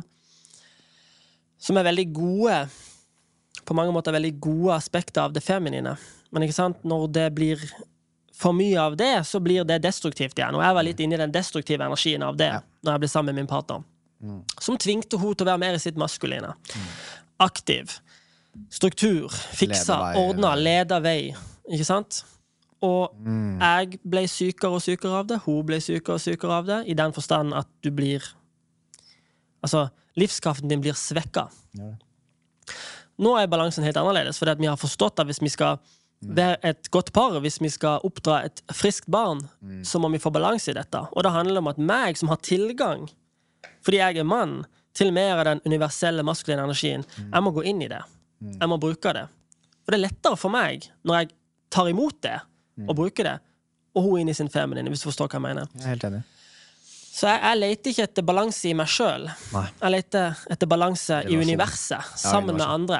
Og det kommer tilbake til at For meg så handler ikke relasjoner om det eksterne. Det handler om det interne. For det at min relasjon med partneren min, min relasjon med deg her og nå, skjer inni meg. Det gjør det. Ikke sant? Det er helt klart. Jeg synes det er et veldig interessant perspektiv. Og jeg er også enig i måten du formulerer det på, for det er jo en balanse i forhold til noe, og vi er jo natur. Ja. Du kan jo sammenligne med naturen. Uh, dette med den balansen. Fordi, og der igjen er vi på at du må jo, på en måte. Du må. Fordi du er naturen som beveger seg, du er naturen som er i bevegelse, og Veldig godt poeng. også har, eh, har en viss balanse. da, For det er jo ikke Jeg føler at når det er temaer som maskulinitet og femininitet, så er det veldig mange forskjellige debatter som foregår på en gang. Ja, At det blir veldig misforstått. ja veldig. At det er akkurat som at uh, maskulint eller feminint, at en av de er negativ og positiv. Ja, Det handler jo ikke om det i det hele tatt.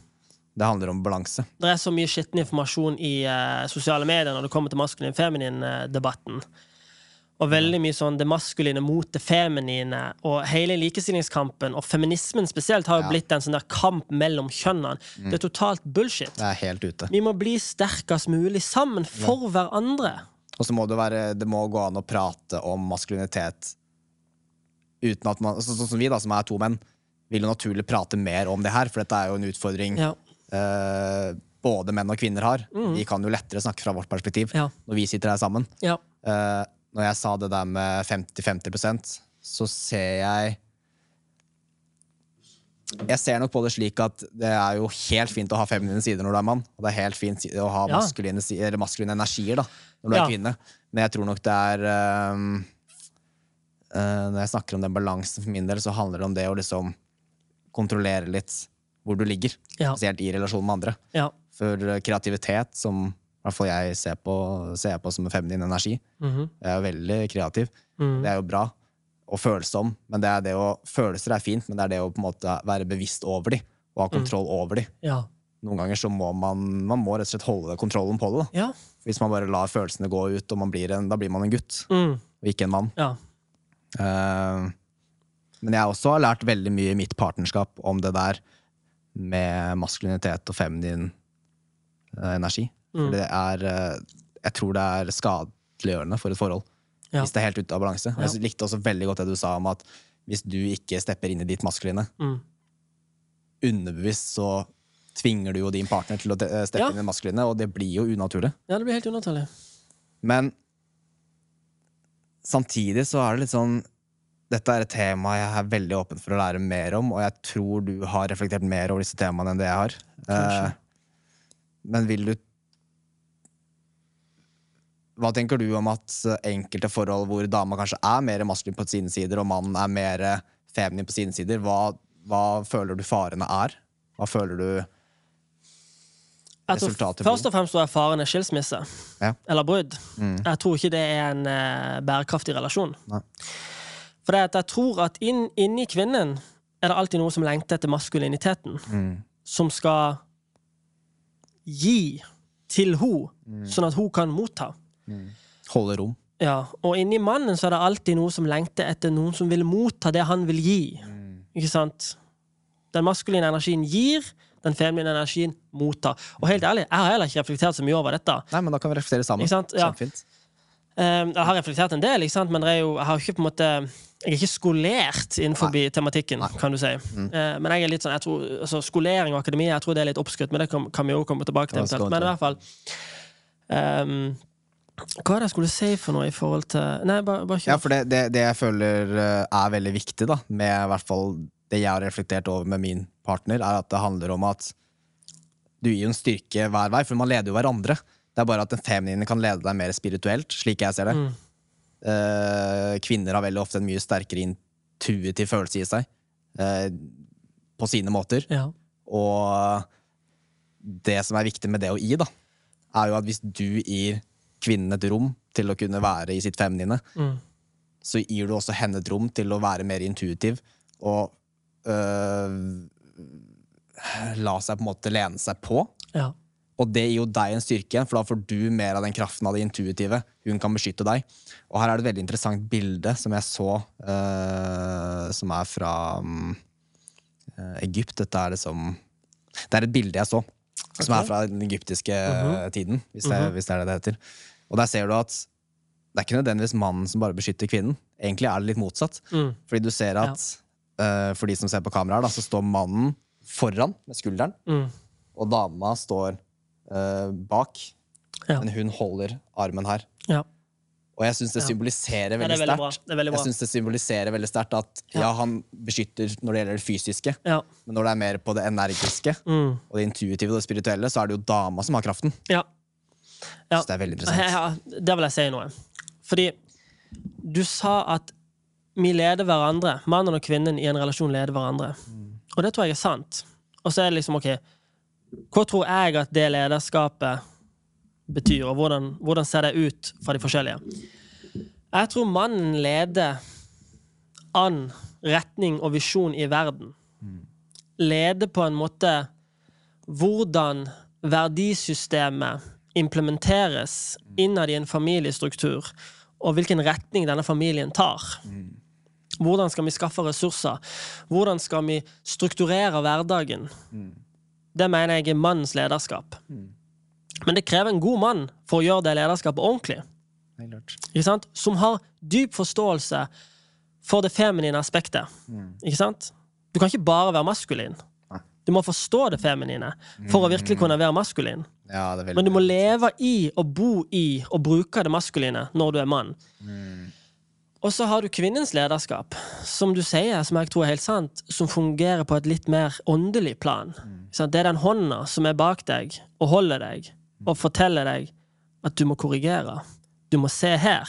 Mm. For det fins ingen som er et så kraftfullt speil som den kvinnelige partneren din, hvis du er mann. Enig. Jeg kan se i øynene hos henne når jeg må justere et eller annet. Når jeg må korrigere et eller annet. Det er sitt lederskap. Hun leder meg i det skjulte, sånn at jeg kan lede hun I det fysiske. i det fysiske. Så det var et veldig bra bilde som, som jeg tror stemmer 100 Ja, jeg, jeg fall- var smartest. Ja, jeg tror uh, Jeg tror ikke vi er kommet lengst i utviklingen at det er nå vi er smartest. Nei, nei, nei. liksom. nei, nei, nei. Det, Vi, det vi har, er inne i en fordummingsperiode nå, tror jeg. Uten tvil. Og der er det jo den derre kvoten med at uh, uh, Hard eh, times create strong men. Strong men Ja. makes uh, Irriterer meg at jeg ikke husker den kvoten der, men det gir veldig Ja, La ikke prøve å komme på den. Hard times creates Strong men. strong men. Strong men creates easy times, eller noe. Ja, Easy times make weak men. ja. Weak men Creates hard times. hard times. Ja, ja. Og vi er nå, Mm. slik jeg ser det, er vi i en uh, verden med svake menn. Veldig mange svake menn. Som gjør samfunnet farligere. Ja. Fordi vi lar oss Lar oss på mange måter bare bli kontrollert. ja.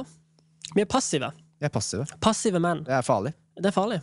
Og det er det folk misforstår. For Folk snakker om toksisk maskulinitet, og maskulinitet er farlig. Maskulinitet er ikke farlig. Maskulinitet, maskulinitet er det minst farlige som fins. Maskulinitet handler bare om beskyttelse. Å gi. Å skape struktur som er trygg. Det handler om trygghet. Beskyttelse. Gi. Ikke sant? Det gjør det. Så jeg tror vi mangler maskulinitet. Det er det som er det giftige og farlige. Som du sier. Hva tror du er det viktigste vi kan gjøre eh, med oss selv da, for å på en måte bryte det mønsteret? Jeg tror først og fremst på maskulin forpliktelse. De mennene som har jobba seg inn i sin maskulinitet og begynt å forstå verdien av den, og bli mer opptatt av å gi og hengi enn å få og ta, de må begynne å, å stille krav til andre. Og danne forpliktelser sammen. Grensesetning. Ja, det tror jeg også. Når jeg snakker med menn for eksempel, som kommer til meg Folk tar kontakt med meg på Instagram. Jeg har et problem. Jeg runker for mye til porno. Jeg gamer for mye. Jeg er for passiv. Hva skal jeg gjøre? Jeg sier, ok, Du runker for mye til porno. Slutt å se på porno i ei uke. Ta, kon ta kontakt med meg når du har gjort det ei uke, så snakker vi mer. Mm. Vis meg at du kan. Vi må stille krav. Folk trenger at du stiller krav til dem, spesielt menn. Den maskuline energien lengter etter det. Veldig En farsfigur, om du vil. En autoritet som kan si 'Dette må du gjøre. Fiks det. Jeg tror på deg'. Men du må stille krav med kjærlighet, Ja, ikke ikke av frykt. Ikke? Du kan ikke stille krav fordi Det spiller ikke noen rolle for meg om du går ei uke uten å runke. Nei, Det det, spiller en rolle for deg, og jeg vil deg ditt beste. Og samtidig vil det jo spille en rolle for deg i det store bildet. Ja, ikke sant? Ja, ja. Vi, vi blir jo påvirket hvis eh, Exactly. alle menn hadde vært svake Nettopp. og bare sittet hjemme og rusa seg og runka og spist uh, Ja. drittmat. Så Ja, for så ærlig skal jeg være at min mission handler jo veldig mye om å skape en bedre verden for meg sjøl og min familie. Ja. Men da må jeg være villig til å gi til andre for å hjelpe andre, for det at andres ve og vel er mitt ve og vel. det er det. Ikke sant?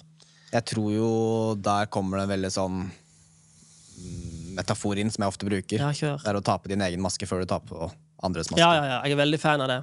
Og den uh, resonnerer jo veldig med eh, samfunnet du lever i i dag òg. For hvis du velger det beste for deg Der handler det jo ikke om å være egoistisk. Det handler, jo, det handler jo om å være egoistisk, men ikke på en uh, negativ måte.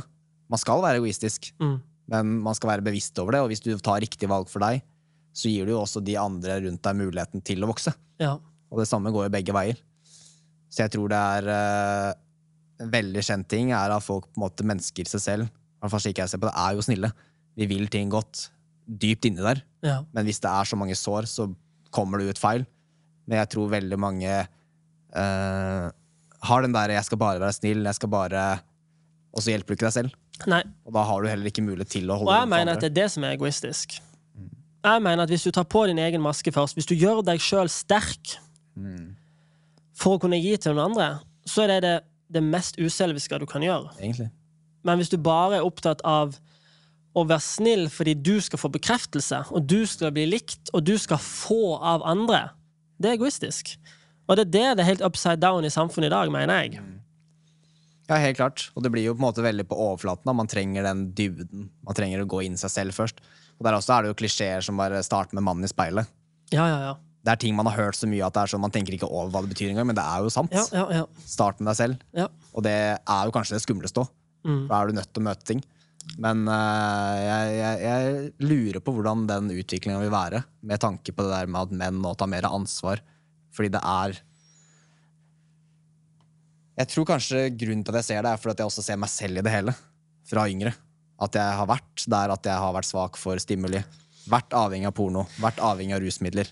Eh, men det er jo skummelt, og jeg lurer bare generelt på hvordan det kommer til å utvikle seg. For det er store krefter som jobbes for at det skal holdes der. ja. For det er så mye lettere å kontrollere mennesker ja, ja, som ikke er i kontakt med seg selv. Ja. Nei, jeg tror det kommer til å bli veldig spennende. Jeg tror det kommer til å bli uh, mye uro framover. Jo mer menn våkner opp i sin maskulinitet, og jo mer kvinner går inn i sin femininitet og leder menn fra det intuitive eh, Fra skyggen, på en måte. Eh, og jo mer mann og kvinne kan jobbe sammen i relasjon og våkne opp til, til seg sjøl, jo mer uro tror jeg det blir. Fordi at de kommer til å pushe på de som vil ha oss her. De som prøver å kontrollere oss. Så er at jeg tror at vi går inn i en veldig hard tid. Jeg. Så jeg tror det er bare for uh, unge menn å sette i gang og komme seg på trening og bli robuste i psyken og Absolutt. ta tak. For det, dette kan bli tungt. Det kan det. Og jeg føler jo også at øh, Men samtidig føler jeg at bevissthetsgraden øker i det hele òg. Det er min oppfatning. Ja, men jeg, jeg tror fordi den øker, så kommer uroen. Ja. Ikke sant? Mm. For alt må fram i lyset nå. Sannheten må fram. Mm. Og sannheten er ikke eh, på en måte nødvendigvis fin. Nei. Vi vil jo at alt skal være greit og lett og behagelig og komfortabelt. Det er på overflaten. Men under overflaten så er det så mye grums og bullshit at uh, det kommer til å ta mange år å komme gjennom det. Du kan jo sammenligne litt med et uh, rotete klesskap. da. Du har Ja. det helt fint å rydde på rommet ditt, Ja. men i skapet ditt er det masse rot. Ja. Hvordan skal du få det ryddig? Du må dra alt ut. Du må dra alt det blir ut, kaos på rommet. organisere. Ja, exactly. Godt Så. poeng. Det liker jeg. Veldig bra. Uh, og det er vel det som utspiller seg nå i dagens samfunn. At det er en bevissthet. Uh, og så må vi rett og slett bare ta kampen. Men det er jo Det er jo en gave da, å kunne være en del av eh, den bevegelsen òg. Ja, absolutt. Det er jo et ansvar. Og så handler det om at jo mer du øker bevisstheten, jo sterkere blir du i den krigen. For krigen, den store krigen, er ikke på slagmarken på grensen til de ulike landene. Den skjer inni hvert enkelt menneske, tror jeg. Jo mer du overvinner dine indre demoner, jo klarere skinner du i ærlighet og kjærlighet. Og jo mer innflytelse får du på andre menneskers liv, at de har lyst til å gjøre det samme. Det. Og jo mer det kommer fram i lyset, jo mindre makt får all den bullshitten og ondskapen som prøver å undertrykke oss. Helt klart. Det er veldig interessant. Og så er det jo litt sånn, jeg tror, i hvert fall for min del jeg vet ikke hvordan din erfaring var da du var yngre, men det er at du ser så mye. Det er så mye som er ubalanse. Ja. Og det kan bli litt uh, overveldende. Men det er derfor det er så viktig å velge sine kamper, for du kan Ja. ikke gjøre alt. Det kan du ikke. Godt du kan velge dine kamper. Ja. For det er jo in altså, Jeg sier det rett ut, det er helt insane dagen. Det er, og jeg, jeg tar meg selv i det òg. Tiden min blir jo um, For eksempel når jeg sitter på sosiale medier. Da. Det er så lett å legge ut en post. Og så er jeg liksom 20 minutter etterpå skal jeg sjekke hva slags oppmerksomhet er det som Ja. kommet. Og så er det ikke bare det å sjekke hvor mange likes du har fått, det er det å sjekke andre ting. Mm. Og det er bare sånn Du blir attacka fra flere kanter. da Ja, ja, ja. Medisiner, dårlig mat. uh, Jeg liker at du ser på det som et angrep. Jeg har ikke tenkt på det før, men jeg føler det er Det er det er en usynlig krig. Du blir ikke En usynlig krig. Du blir bombardert med missiler. Inn i hjernen Ja, ja, ja, i det dypeste Og dette er jo forska mye på. Det er jo utrolig kynisk da, og utspekulert, hele greia. det det? Men jeg tror det er viktig å Det er derfor jeg syns det er veldig inspirerende å prate med deg, for du snakker så ufiltrert om det. Mm. Og det tror jeg er viktig. Mm. Og det inspirerer meg også til å gå mer i den veien. Ja. For det handler ikke om å Jo, det handler jo på mange måter om å gå rundt og peke òg, men du ser på en måte begge veier, da. ja. Fordi det én ting er å Før var det slik at jeg bare så at alt var feil, og pekte. Men jeg pekte aldri tilbake. Nei, det det. Og da blir det farlig. Mm. For du kan ikke endre noe uten å endre deg selv først. Nei, det er det. Du må peke, men du Du må peke på deg sjøl. Mm. Ikke sant? Simen, som er en felleskontakt hos, han Ja, ja. lærte meg en veldig veldig god ting. Mm. Det var når du peker bortover, så peker Ja. du tre fingre tilbake. Ja, ikke sant? Ja, Jeg hadde aldri tenkt over det er sant, det. Det er sant, det. Det er veldig fin Det er et veldig godt poeng. Shout-out til Simen. Skjæra til Simen Anfinsen. Veldig, veldig god mann. Veldig interessant mann. Eh, nei, så jeg, jeg merker også at jeg er inspirert og klar til å gjøre det jeg kan nå, for å gjøre Ja. de endringene. For det er, For det er veldig interessant det du sier, og det tror jeg er viktig å snakke om. Å velge riktig kamp. For det er én kamp, sånn som jeg ser det. Eller det er én krig, Ja. men det er ulike kamper. Krigen er mellom det gode og det onde. Mellom lyset og mørket. Mellom de kreftene som vil kontrollere oss, undertrykke oss og ta fra oss friheten og profitere på svakhetene våre, og de som vil gjøre oss fri, gi oss fred, kjærlighet, ro, tilstedeværelse osv. Det er krigen. Det er krigen. Og inni, inni den krigen så har alle ulike kamper. Ikke sant? Og vi må velge fiende med omhu. For før, når jeg var en snill gutt, så tenkte jeg at jeg skulle ikke ha noen fiender. Nei, Men nå skjønner jeg at jeg trenger fiender. er. Fiender er drivkraften min. Det er det som gir meg bensin på bålet. Så, men man må velge det med omhu. ikke sant? For hvis man velger feil fiende, så kan man bruke et helt liv Helt klart. på å gå feil vei. Mm. Og bli tappa for energi. Og hvis man velger riktig fiende, så får man energi. Blir sterkere, modigere, Helt tøffere. Hvem vil du si at er din fiende? Min fiende er uh, på noen måter det overfladiske. Mm, Jeg, tror, jeg tror det er veldig skummelt å kun ligge på overflaten. Mm. For da kommer vi ikke til dybden av problemet. Mm. Det er litt For å gjøre en sammenligning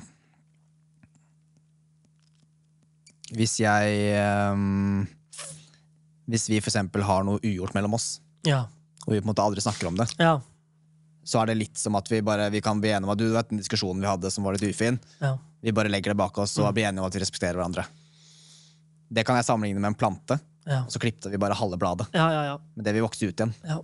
At det er så viktig å gå litt i dybden, og der har jeg lenge følt eh, at eksempel når jeg observerer eh, debatter på TV, noe jeg syns er ufattelig slitsomt, for det er oh. ikke dybde der. Det er en angrep mot angrep. ja, ja, ja. Og forsvaret jeg ofte hører, er at ja, men når man er politiker, så må man eh, bare stå på sitt standpunkt, for du kan ikke tape velgere. Mm. Men hvorfor har vi debatter? Er det for å vinne kamper og mer makt, eller er det for å skape et bedre samfunn? ja. For å skape et bedre samfunn så trenger vi dybde. Amen. Vi trenger dybde til å um, gå til roten av årsaken. Ja. Og det, det her går på alle tema, føler jeg. At når det er, eh, nå skal ikke jeg gå inn i eh, tema, eller vi kan godt gå inn i tema, men det er ikke eh, hensikten. Da. Men for eksempel eh, våpenloven. Da. Mhm. Den har, har ikke satt meg inn i det hele Ikke jeg heller, men det. det er bare for å bruke et eksempel. Ja. Er at uh, Også terror, terrorisme, egentlig. Mm -hmm. Lettere med terrorisme. Mhm. Fordi viktigheten av Ok, nå ADHD-hjernen, vet du. Jeg har et enda bedre eksempel som vi kan kjenne oss igjen i. Ja, ja. Eh, Men min ADHD-hjerne følger din, så det går ja, men bra. fint. Men la oss ta eksempelet en ADHD-hjerne på skolen, eller Ja. en bølle på skolen, okay. som gjør dumme ting. Ja. Overfladisk sett så er det lett å peke at det der er feil oppførsel. Slutt med det. Mhm. Er det det som er det riktige, eller er det riktigere å tenke hvorfor oppfører personen som han Mm. han eller hun gjør det? Stille spørsmål, gå i dybden, for da kan man også finne roten til årsaken. Ja. Og det vil også gjøre en endring på lang sikt, Mm. istedenfor bare å si at ikke gjør det der, da får du straff. Ja. Da vil den personen kanskje holde seg ha bedre oppførsel i en time eller to eller en dag. Mm. Men etter hvert så vil jo det samme mønsteret komme igjen, for det kommer jo av mønstre. Mm. Så generelt, min fiende er eh, overflaten, Yes. Kult. vil jeg si. Ja. Spørsmål, forresten. Ja, det er et rått svar. Uh, Hva vil du si er din eh, fiende?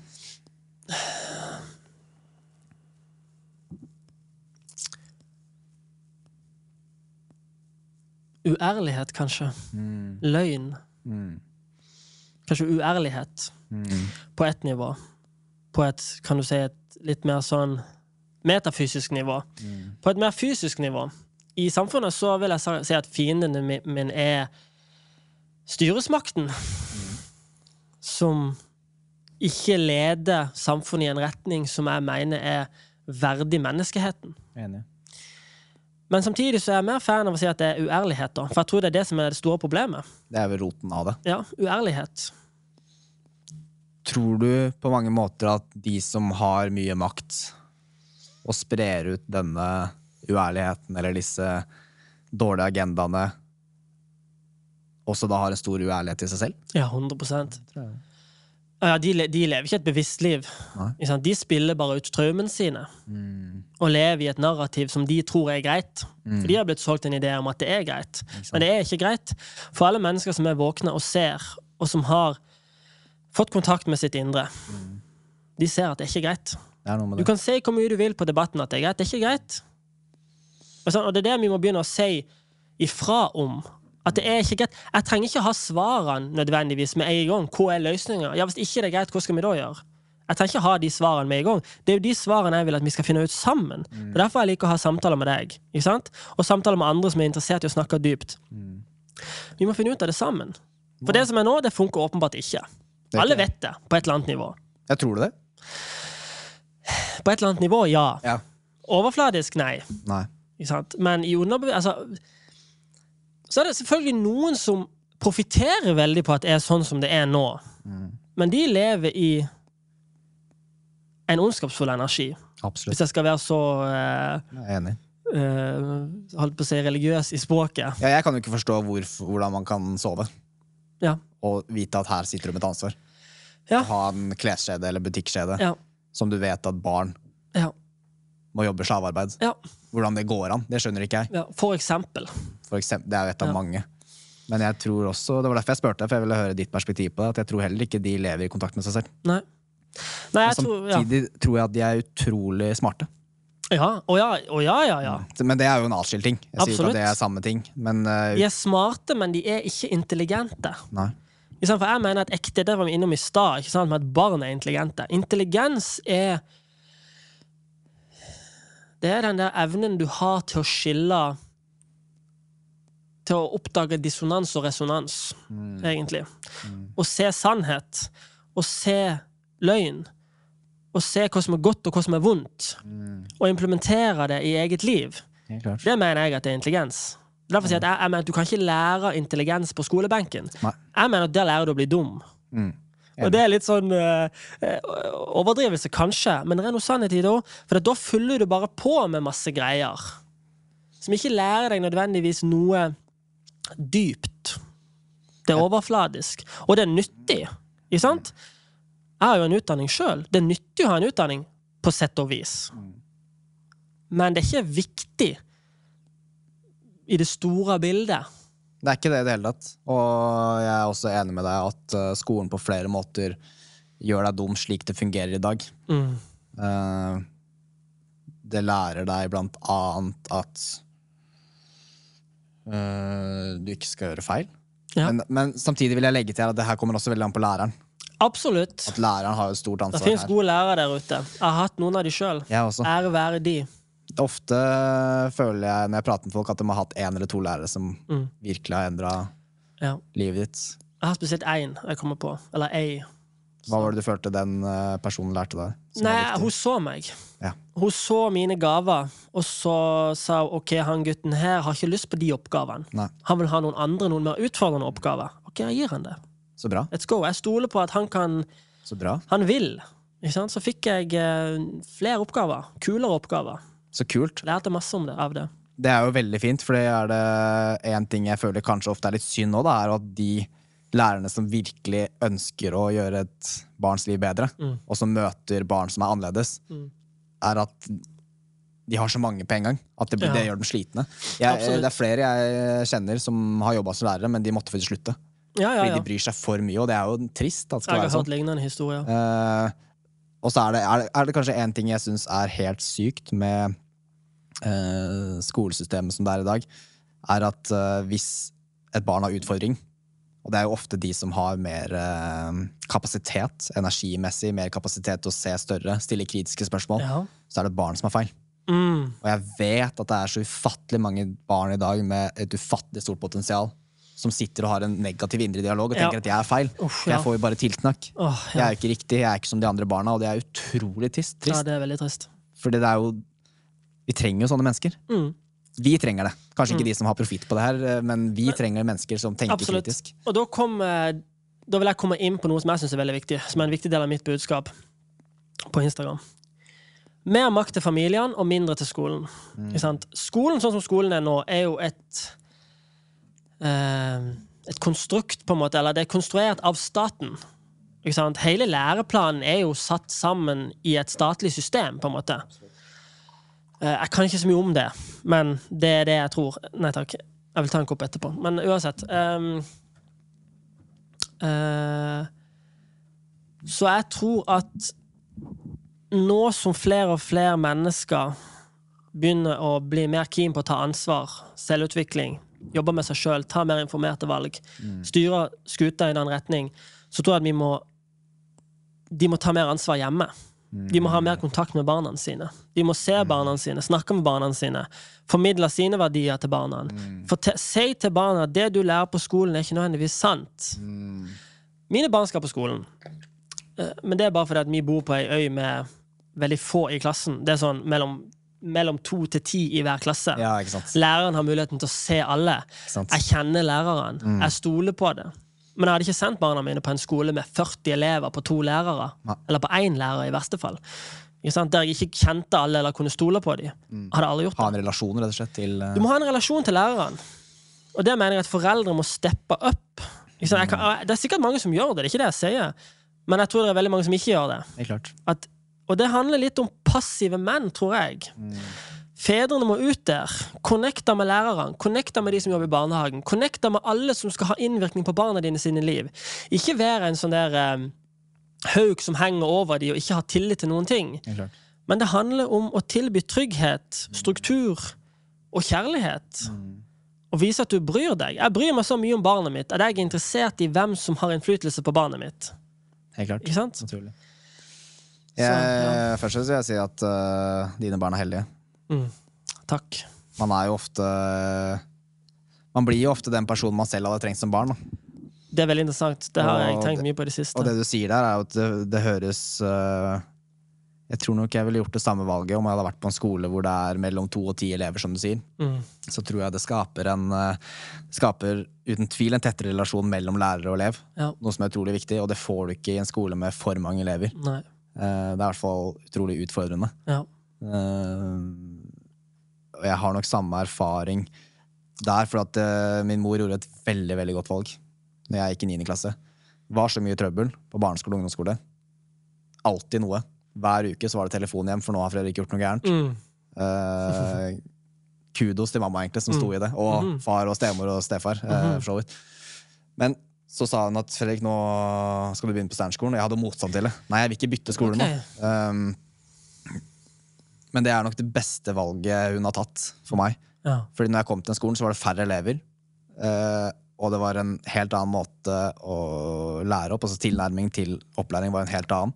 Som traff meg bedre. Ja. Uh, jeg tror ikke jeg hadde vært her i dag hvis jeg ikke hadde vært for det. Mm. Og de to nærmeste vennene jeg har, de kom også fra den skolen. ja. Kult. Men jeg tror det er mye lettere å ta tak i utfordringer på et dypere plan når det er mindre elever. Ja. Så jeg veit ikke om eh, ja, Kanskje løsningen er det, da, at man eh, får flere Det også er jo en syk ting, hvor lite budsjett det er i skoler. Mm. Skoler har ikke råd til å ta imot altså De har jo det, men det er utfordrende å ta inn eh, aktiviteter og foredragsholdere som kan gjøre, skape et bedre samfunn. Ja. For det er Jeg snakker veldig mye med skoler. for Dette er jo noe jeg også jobber en del med. Mhm. Og det er en stadig utfordring. At lærere sier at vi har veldig lyst, men vi har ikke budsjett. Mm. Det er rart. Ja, Fordi barna er fremtiden vår. samtidig så tror jeg at man kan gjøre veldig mye uten budsjett. Og jeg tror det handler om virkelig dyp vilje fra en lærer innebærer å gjøre arbeidet med seg sjøl først. Enig. Først må man være- være villig til å jobbe på det nivået. For det er på den måten man kan tilby elevene mer og bedre ting. Med sin egen tilstedeværelse. Evne til å lytte og se. Uten tvil. Det krever jo at de har gått en dybde i seg selv òg. Mm. For det er veldig mange problemer i dag som vi vil at skal løse seg med mer penger. Mm. Og mine problemer, de største problemene mine har ikke blitt løst med mer penger. Nei. De har blitt løst med mer fokus Mm. og tid og energi. Jeg synes du tar opp et veldig viktig poeng der, for det koster jo ikke penger å praktisere ti minutter stillhet og pusteteknikk før timen. Ingenting. Alt det gode i livet er gratis. Det er det. Og det er, sånn det, det er nesten banalt å si, men det er sant. Og vi har en tendens til å overse det. Helt klart. Samtidig som det er jo Det er jo også viktig med penger med tanke på en viss frihet, men jeg er jo helt enig med den at hvis du ikke har jobba med frihet som ikke koster penger, med tanke på det å si innover, det å skape gode relasjoner, det koster jo ikke penger. Nei. Men samtidig så er man jo avhengig av det til en viss grad for å kunne åpne de dørene. Ja. I forhold til samfunnet vi lever i. Ja. Men jeg er også enig at jeg tror ikke penger er løsningen. Nei. Jeg tror penger er det indre arbeidet. ja. Det er jeg helt enig med. Jeg, er ikke sånn, jeg, jeg, jeg har ikke noe imot penger. Jeg liker penger. Ja, ja. Jeg har lyst på penger. Mm. Men jeg tror at hvis vi tror at pengene er det som skal redde oss Da, og hjelpe oss, Mm. da er vi på, på, villspor, altså. Klart. Men eh, jeg tror vi må ta en ny tissepause. Enda tissepause? Vi har bare prata i to timer snart. Nei, jeg bare tuller. Ja, vi har prata 1 time og 52 minutter. Tida flyr i godt selskap. Ja, jeg føler vi har eh, mer her. Høres bra ut. Jeg kan synge litt her mens jeg holder, holder koken. I believe I can fly. Nei, eh, jeg mista helt tråden hvor vi var henne, for nå var vi så, vi var så dypt at det var nå, nå tror jeg ikke det spiller så mye rolle hva vi snakker om lenger, for nå er vi liksom i det rommet der Energien der. Ja, og det, det er bare visdom, føler jeg, som kommer ut. Eller det er uh, sannhet. mm, mm. Sannhet. Prat fra hjertet. Ja. Sannhet er jo også Det betyr ikke at det er en fasit. Ja, men hva, ja, nei, for, jeg skal snakke litt om sannhet. Hva er sannhet for deg? du heter jo Den sanne Nei, Den sanne podden. Ja. Når du kom på det navnet, hva, hva var tanken? Det starta jo med den sanne poesien. Mm, mm. Som egentlig bare Jeg følte bare kom til meg, egentlig. Ja. Det var um, En har ikke sluttet å snuse. Sannhet. Eh, så morsomt jeg satt i bilen jeg bare tok opp snusen. Det, bare, jeg vet ikke, ja, det var bare litt morsomt. Ja. Litt uh, stimuli. Um, og det handler jo ikke om at uh, Skal jeg merke, Er det en programmering som sier det her? En gammel programmering, at det er på en måte ikke at jeg føler, altså jeg føler ikke på noen måte at jeg sitter med sannheten. Nei. Og det kan sikkert uh, diskuteres hva som ligger i ordet sannhet, Mm. men uh, det er iallfall ikke intensjonen. Det jeg sier, er at jeg snakker fra hjertet, og det er en Uh, og det er sannhet for meg, egentlig. Mhm. Og det er ikke sånn at her sitter jeg med fasiten, og alle andre tar feil. Mm. Um, det er rett og slett at jeg prater sant fra hjertet. Mm. Så den kom til meg egentlig, og det som var interessant, var at jeg det var en tid jeg tror jeg følte på veldig mye vonde ting. En tid hvor jeg begynte å grave i meg selv. Eh, fordi jeg jobba som elektriker i mange år, og så ble jeg sykemeldt. Veldig. Eh, møtte veggen. Og det var en veldig god erfaring. Jeg er veldig glad for den erfaringen, for det eh, tvang meg på flere måter til å gå innover. Jeg fikk så mye tid til å ligge hjemme i senga, ikke ha energi, og måtte på en måte deale med ting. Ja. Så det starta egentlig med å snakke mot samfunnet, egentlig. Den sanne poesien. Ja. Mm, hvor jeg på en måte Jeg har alltid skrevet tekster siden jeg var seks-syv år gammel. Alltid vært glad i å skrive rapptekster og være ærlig. Så det gikk veldig mye i angrep mot samfunnet først. Og så merka jeg at jeg må jo gå innover, og det føltes naturlig at jeg begynte å skrive motiverende quotes til meg selv. Mm. Som uh, jeg bare fortsatte med, og så fikk det god respons. Og så fortsatte jeg med det. Og det har på en måte vært en sånn min måte å spre ut positiv energi på. Og eh, være en del av det som kan gi andre motivasjon til å stole på sin egen kraft. Mm. Og så merket jeg for fire-fem år siden at uh, Jeg egentlig det hele livet at jeg er veldig glad i å høre nye perspektiver. Jeg er veldig glad i å møte nye mennesker. Uh, gå i dybden på hva som gjemmer seg bak. Uh, andres perspektiver. Eh, jeg elsker også å høre perspektiver hvor jeg merker at det er motstand i meg. Ja. Da prøver jeg heller å stille spørsmål. Hvorfor Ja. mener du det du mener? Og så er det ofte en enighet der. Ja. På et dypere plan. Uh, og så eksperimenterte jeg litt med podkast og hadde, hadde sånn- Jeg bare spilte inn samtaler på telefon med venner. Mm. Observerte det og tenkte fy faen, jeg må jobbe med å prate. For at jeg avbrøt. Ja. Jeg merka at jeg ikke lytta ordentlig. Og på en måte gikk den veien da, med å liksom grave frem, uh, pakke opp ting jeg hadde i meg selv som jeg ikke likte. Så podkast-ideen har jo på en måte ligget der i mange, mange år. Men det er først nå i det siste at det bare Nå ønsker jeg bare å sette i gang, egentlig. Fordi det er en veldig stor lærdom i det å observere seg selv. Jeg vet ikke om du har opplevd det, men det å ta opp på telefonen eller filme seg selv prate, Mm. noe du garantert har gjort har med deg selv gjort før du begynte ja. å poste på Instagram. Ja. Eh, det er veldig morsomt å se på de videoene etterpå, for da ser man også hvor mye man har lært. Da. For da ser man at oi, jeg prater ikke tydelig, jeg Mm. uh, fullfører ikke hele tankegangen min. Eh, så jeg lærte veldig mye av det. Og første gang, altså etter jeg begynte på musikkproduksjon på Norhoff, så har vi jo studio tilgjengelig der. Uh, første gang jeg satte meg ned og hadde en podcast-episode, da følte jeg at jeg var på riktig plass. Okay. Det er riktig plass for meg. What? Mm, og da kommer jo da, når jeg heter Den sanne poesien som artist, hvorfor ikke da bare kjøre Den sanne podden? Mm. Så er det på en måte en rød tråd mellom de. Ja, ja. ja. Så det var uh, der navnet kom fra, egentlig. At jeg ønsker å prate fra hjertet.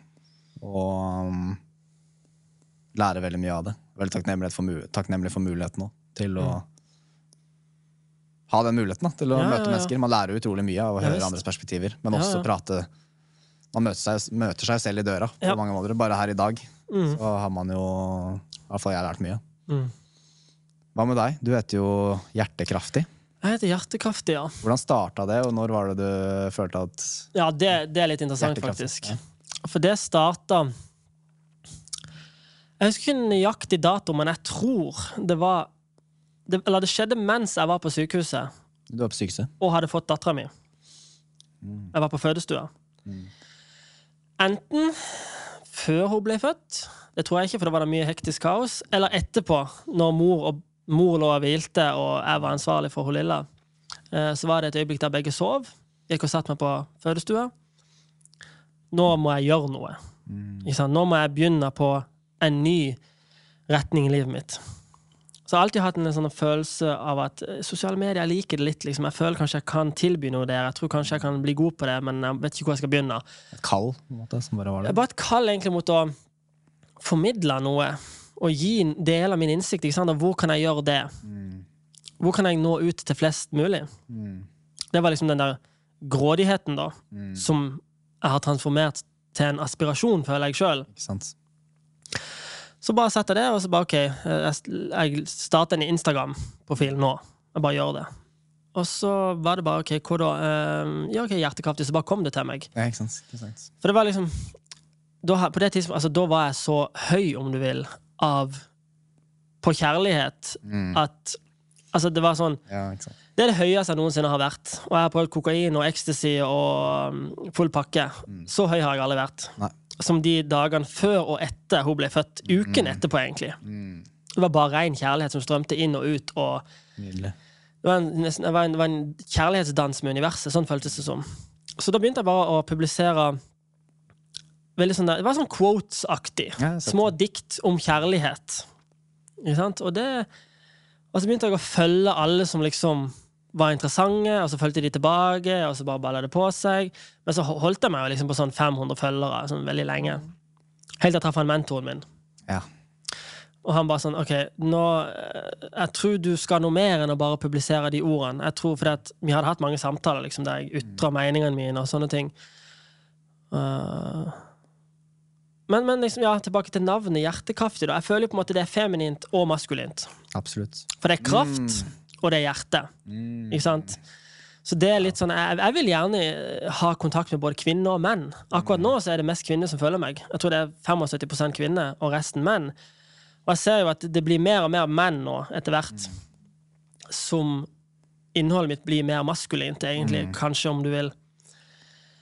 Eh, så eh, Nei, men eh, Altså, det bare utvikla seg. Det- Men det virka jo veldig virka som det var en smart ting, da, med den mentoren. ja. Og Det var en sånn gave. En gavepakke fra universet.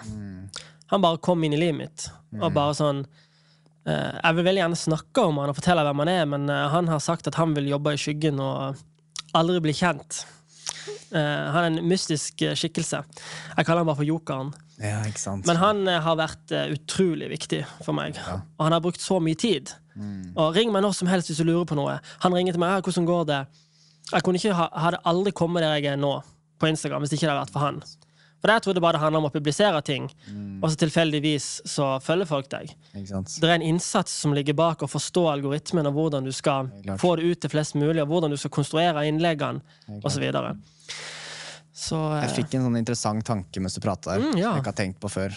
Uh, og det er jo når du sier det med at det er flest kvinner som følger. Mhm. Er det ikke også slik at flere kvinner bruker jo. sosiale medier? Uh, for det ser jeg også på Du kan jo se det på innsikter. Og jeg tror også det er sånn 75 Ja. kvinner uh, og resten menn. Mm. Men etter hva jeg har hørt, da, podcast for eksempel, er det motsatt. Er det 80% menn. Ja, og YouTube. Og YouTube. Og det forklarer jo egentlig en del, da, med tanke på det feminine og maskuline. Mm. Ja. At Instagram og sosiale medier er jo mer bygd på følelser. Mm. Ja, det er veldig emosjonelt. Det, trekker, det, det tar følelsene dine. Um, både positiv og negativ retning. Mm. Mens podkast og YouTube er vel mer eh, Jeg føler at jeg tenker veldig eh, i front her, for jeg har ikke tenkt på det før. Men det er jo mer eh, s- Selvutvikling, kanskje. Mer, eh, men jeg vet, ikke, jeg vet ikke helt hva det kommer av. Jeg bare fikk den tanken og syntes det var interessant. Jeg vet ikke helt hva det kommer av at podkast har flere menn som lyttere. Menn er jo veldig løsningsorienterte, og ikke så følels følelsesorienterte, holdt jeg på å si. Det betyr ikke at kvinner ikke er løsningsorienterte. Absolutt ikke. Nei, Men men jeg, jeg føler menn ofte er sånn Give me the solution and shut the fuck up. ikke sant? Hva skal jeg gjøre? men- Mens kvinner er mer Vil prate litt om det. ja, og være en del av den emosjonelle prosessen. ikke sant? Og jeg tror det er nyttig for meg nå å ha innsikt i den emosjonelle prosessen. Men grunnen til at jeg tror at jeg kommer til å få flere følgere som er menn på Instagram etter hvert nå, og det kommer til å bli litt mer i balanse, jeg kommer nok alltid til å ha flere kvinner. Fordi det er flere kvinner på plattformen. Ja. Men det tror jeg er fordi at jeg òg har begynt å snakke mer om løsning. I begynnelsen så var det mer sånn kjærlighet en, en vind av kjærlighet fra havet. Det var liksom på det veldig spirituelle nivået. Og jeg liker å skrive sånn. Eh, men da var det liksom ikke noe solutions. Ikke sant? Ikke sant? Show me the money. Ikke sant? Hva skal jeg gjøre? Hvordan kan vi endre det? Nå har jeg begynt å liksom skrive litt mer om dette er problemet, sånn kan vi endre det. Ja. Veldig mye mer direkte. Ja, det tror jeg tiltrekker mer menn, da. Det er litt mer maskulint. Helt klart. Men jeg skjønner jo altså at det tiltrekker mange kvinner, for det er jo minst like viktig tematikk for kvinner. Så Det er jo tematikk som gjelder alle. Vi er jo team. Vi er jo team og Ja. skal jobbe sammen. Ja. Så jeg tror nok det Du har nok ført til, at, du har nok ført til mange gode samtaler i par, tror jeg. Jeg håper det. At kona eller dama det, du, Ja. bare Det poenget der, egentlig, det er veldig fint, og så må de møte seg litt selv. Ja, ja. Eh, Det er en fin ting. ja, for jeg har jo lyst til å initiere samtaler blant folk. Det er noe som er veldig naturlig for meg, å være en initiator. Det føler jeg ligger veldig close to my heart. Og jeg føler på en måte ofte at jeg alltid har hatt den evnen. Når jeg går inn i et rom, så begynner det å skje ting. Bare med energien min, spesielt hvis jeg er trygg i meg sjøl og har selvtillit når jeg går inn i det rommet, så representerer jeg en dynamo, på en måte, som setter i gang noe. Og jeg vil gjerne gjøre det i større skala, og hjelpe folk å sette i gang. For. Det er prosesser som må bli fullført. Og det kommer litt tilbake til det du snakket om i stad, faktisk. Om at det er, det er usagte ting i relasjoner og samtaler. Øh, Det var vel fienden din, ikke sant? Over, det overfladiske. En god fiende. Og for å liksom overvinne den fienden der, så må vi snakke om det som ikke vi snakker om. Og gjøre det vi ikke gjør, som vi vet at vi må gjøre. Og det er det jeg vil initiere. Og sette i gang. Ja, jeg merker det på veldig Vi snakka om det med å, å, å ta opp energier òg. Det å føle energier. Jeg merka det så fort du kom inn i rommet i stad, så er det jo en uh, sterk, men også veldig god energi. Mm. Og det, det Sånt merker jeg med en gang. Men jeg merka også at det var en uh, uh, energi jeg kan kjenne meg igjen i òg. Mm -hmm. mm -hmm. Syns det var interessant. Jeg føler ikke at det liksom For du kan jo merke det at du kan sitte i et rom, eller du kan komme inn i et rom, og så kan du merke shit, her er det et eller annet. Du føler det. Ja. Det er veldig vanskelig å forklare det med ord. Mm, ja. uh, og det tror jeg er veldig viktig. Jeg tror det er uh, Jeg er sikker på at du har en viktig, uh, viktig oppgave som kan hjelpe mange. ja. Men hva tenker du om fremover? Har du noen Kan hende det er ting du ikke ønsker å nevne nå, da. Men Vi får se. hva er planen for Hjertekraftig og Kristoffer Vatland neste årene? Er det Grunnen til at jeg spør, er fordi jeg syns det er et interessant spørsmål. Fordi i hvert fall for meg, hvis jeg blir spurt, så er jeg også litt der at planen min er å bare være i øyeblikket og gjøre det jeg føler er riktig. Og på den måten føler jeg at uh, universet også jobber med deg på flere måter. Hvis du står i energien din. Det er helt fint å ha planer og visjoner, men hvis du er for mye i de visjonene og planene, så mister du også øyeblikkets kraft. Akkurat. Uh, hvor ligger du der? Jeg ligger på Og dette har jeg egentlig ikke reflektert så veldig mye over. Så det er en fin mulighet til å gjøre det nå. Så jeg setter pris på det. Jeg tror jeg er på et, tid- på et punkt nå i livet at jeg er villig til å ofre øyeblikket litt. For å manifestere noe nytt. Um, men ikke ofre øyeblikket for alltid. For jeg vet hvor det er. Jeg vet hvordan jeg får kontakt med det. Og jeg vet hvilken rikdom det kan gi meg. Eh, men samtidig så er jeg villig til å gi slipp på det og gå litt bananas i arbeid. Og produsere content og kjøre på og snakke med folk og bli med på ting og jobbe med meg sjøl og trene hardt og alle disse tingene her. Fordi jeg tror at det kreves for at jeg skal bli den mannen som jeg har lyst til å bli. Mm. Og som jeg kanskje må bli. Mm. Yeah. For jeg føler at jeg har en rolle jeg skal spille. Og her, er det litt sånn, her vil jeg si det med litt varsomhet. Fordi jeg vil ikke at den rollen skal spilles med egoet mitt. Nei. Eller den destruktive delen av egoet. Jeg vil ikke at det skal handle om grådighet og akkumulere rikdom til enhver pris. Jeg vil at det skal handle om å gi. Jeg vil tilby meg sjøl på en god måte, etter hvert som jeg lærer hva det vil si å være god. Så mye som mulig. Så det er definitivt en prosess, en læringsprosess, om å bli bedre. Mm. Og utfordre meg sjøl. Og møte demonene mine. Eh, og en del av den prosessen for meg handler om Jeg har en aspirasjon. Jeg aspirerer veldig mot å bli større. Så jeg vil gro Hjertekraftig-plattformen. Ja, for da snakker du ikke energisk, men du snakker mer uh... Nå snakker jeg um, rent jeg vil, jeg vil gro på flere måter. Ja. Men hvis du tenker med hjertekraftig, så betyr det jo å gro plattformen større med antall følgere. Mengden engasjement osv. Jeg vil komme i kontakt med flere folk, og har allerede begynt å få muligheter og få kontakt med mennesker som jeg vil jobbe med. Sant? Der er Simen et eksempel, for eksempel. Du er et eksempel. Menn som har integritet, som jeg kan stole på, som er villig til å gjøre jobben. Sånne folk vil jeg komme i kontakt med, for jeg vil samarbeide. Jeg vil skape noe nytt. Jeg vil ikke gjøre det alene, for det handler ikke om meg. Det handler om oss.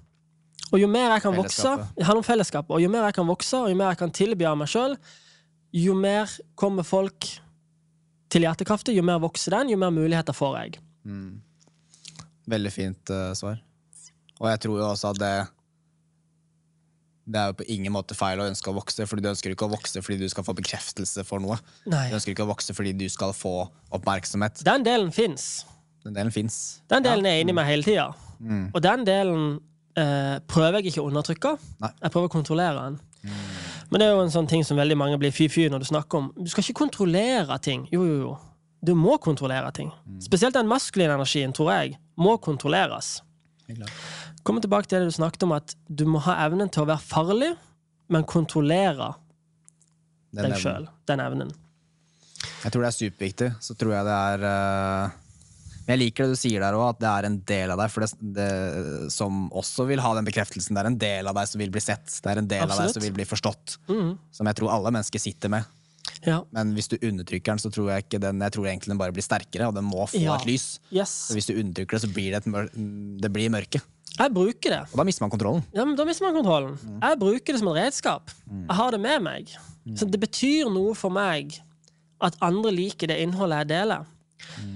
Men det handler ikke om meg. Nei, det handler om noe større. Det handler om noe større. Det handler om at OK, når de liker det, så betyr det at det jeg tilbyr, gir de noe. Da må jeg tilby dem mer av det. Jeg også merker den kraften. Jeg får en kraft av det. Um,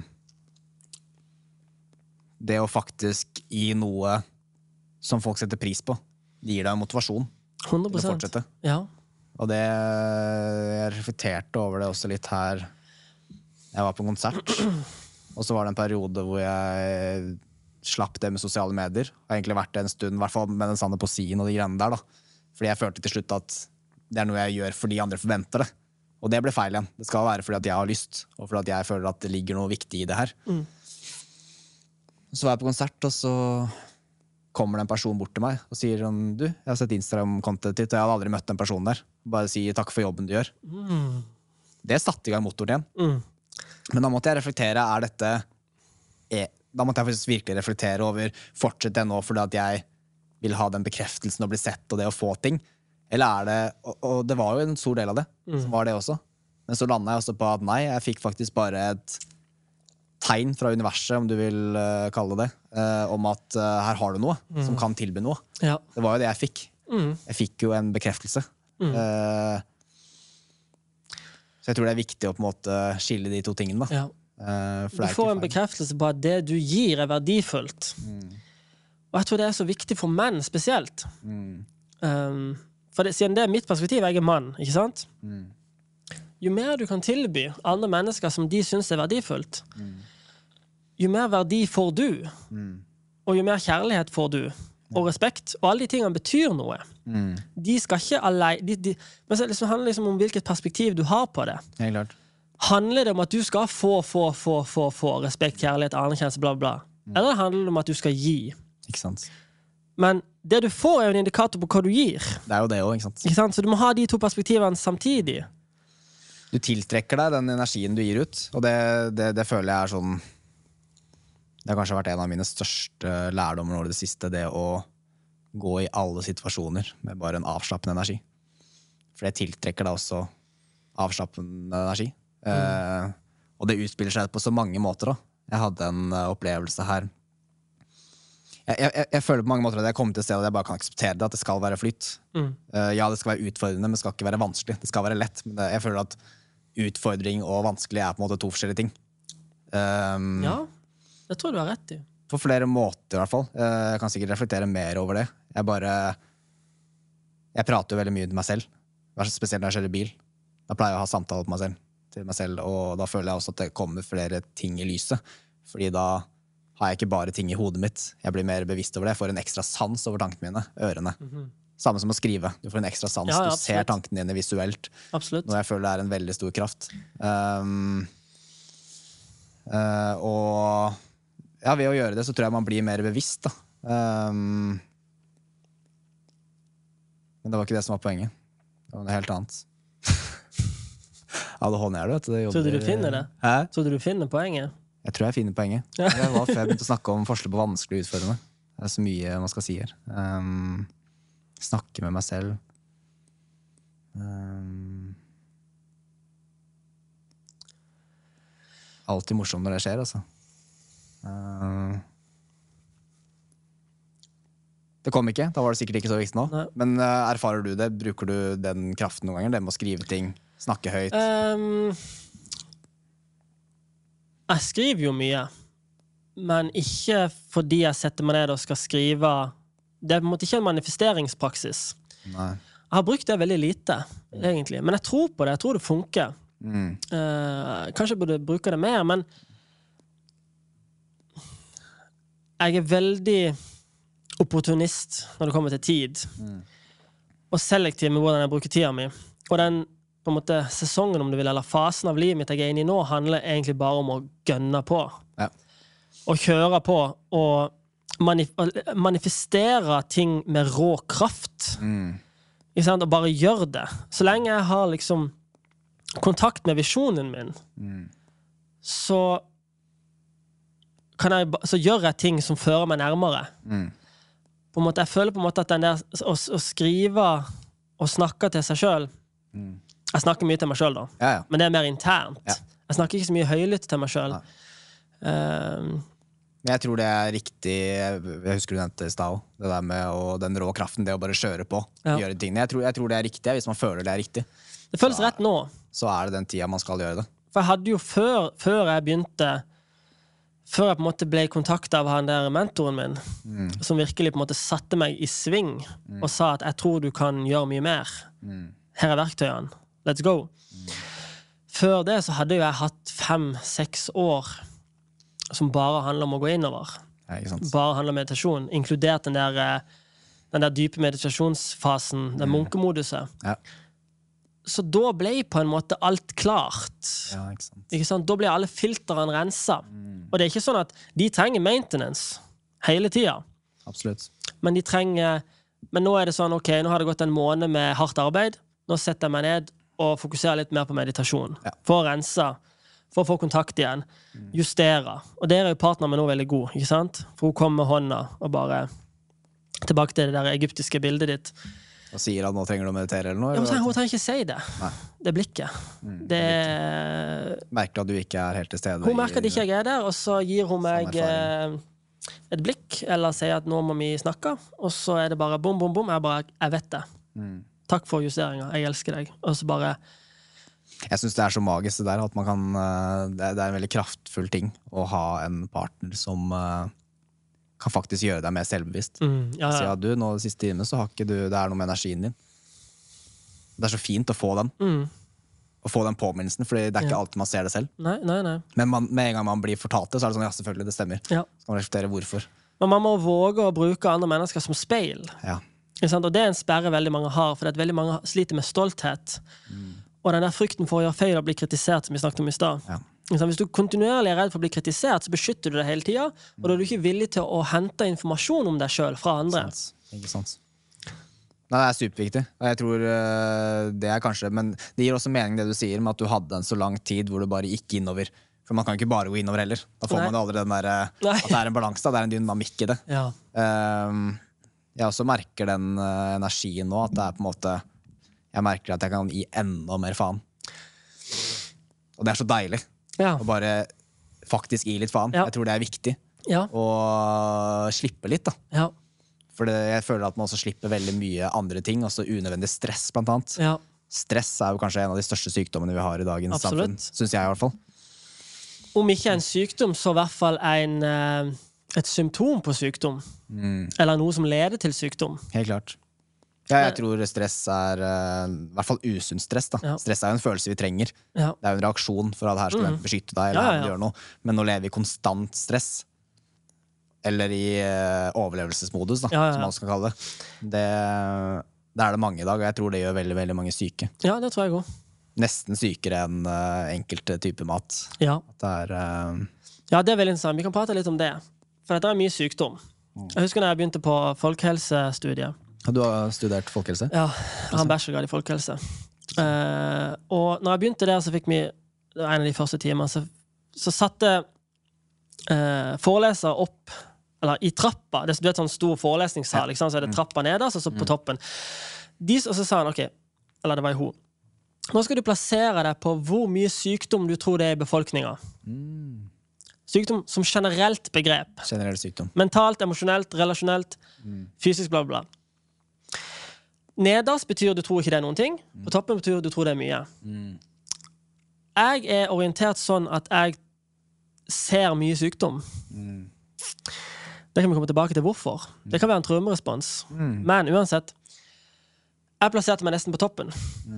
Og da var det sånn Nei, men hallo, det er jo ikke så mye sykdom i Norge. Dette er jo ikke USA. Dette er jo ikke bla, bla, bla. Men, sånn, ok, men hvordan definerer du sykdom, da? Ja. Hva er et sykt sinn? Hva er en syk kropp? Jeg tror det er veldig mange mennesker som ikke med, med første øyekast ser syke ut. Og jeg skal ikke sykeliggjøre de. Jeg sier ikke at de nødvendigvis har en diagnose eller en sykdom, Nei.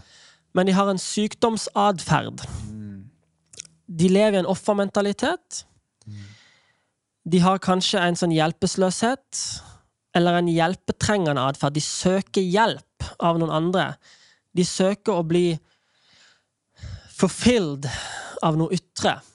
Jeg ser på det som en sykdom, eller sykdoms, en sykdomsatferd. Mm.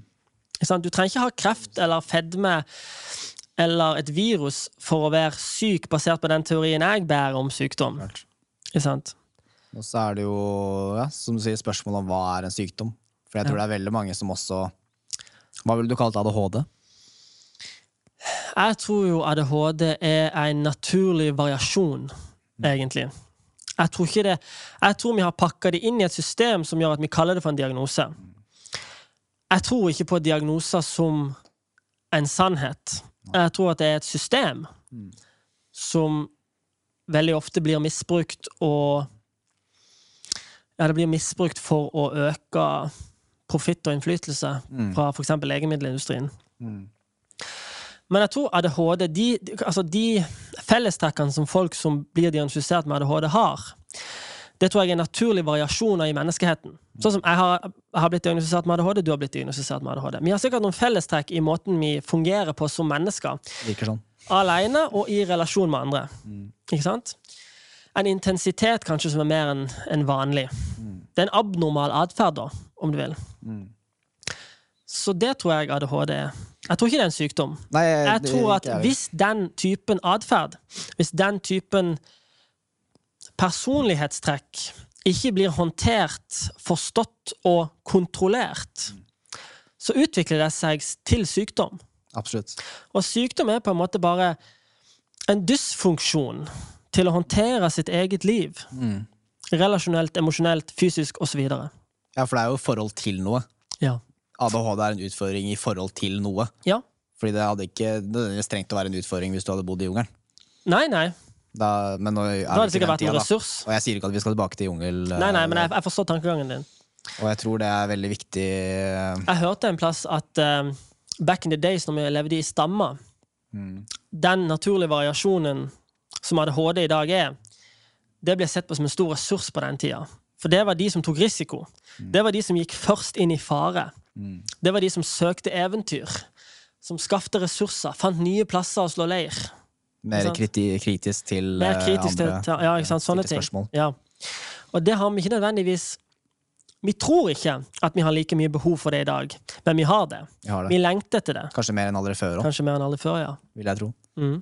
For det er jo den der eh, Det er den balansen igjen, da. At det er verken eh, negativt eller Altså det er negativt og positivt, men det er jo det er ikke en feil eller riktig ting ved det.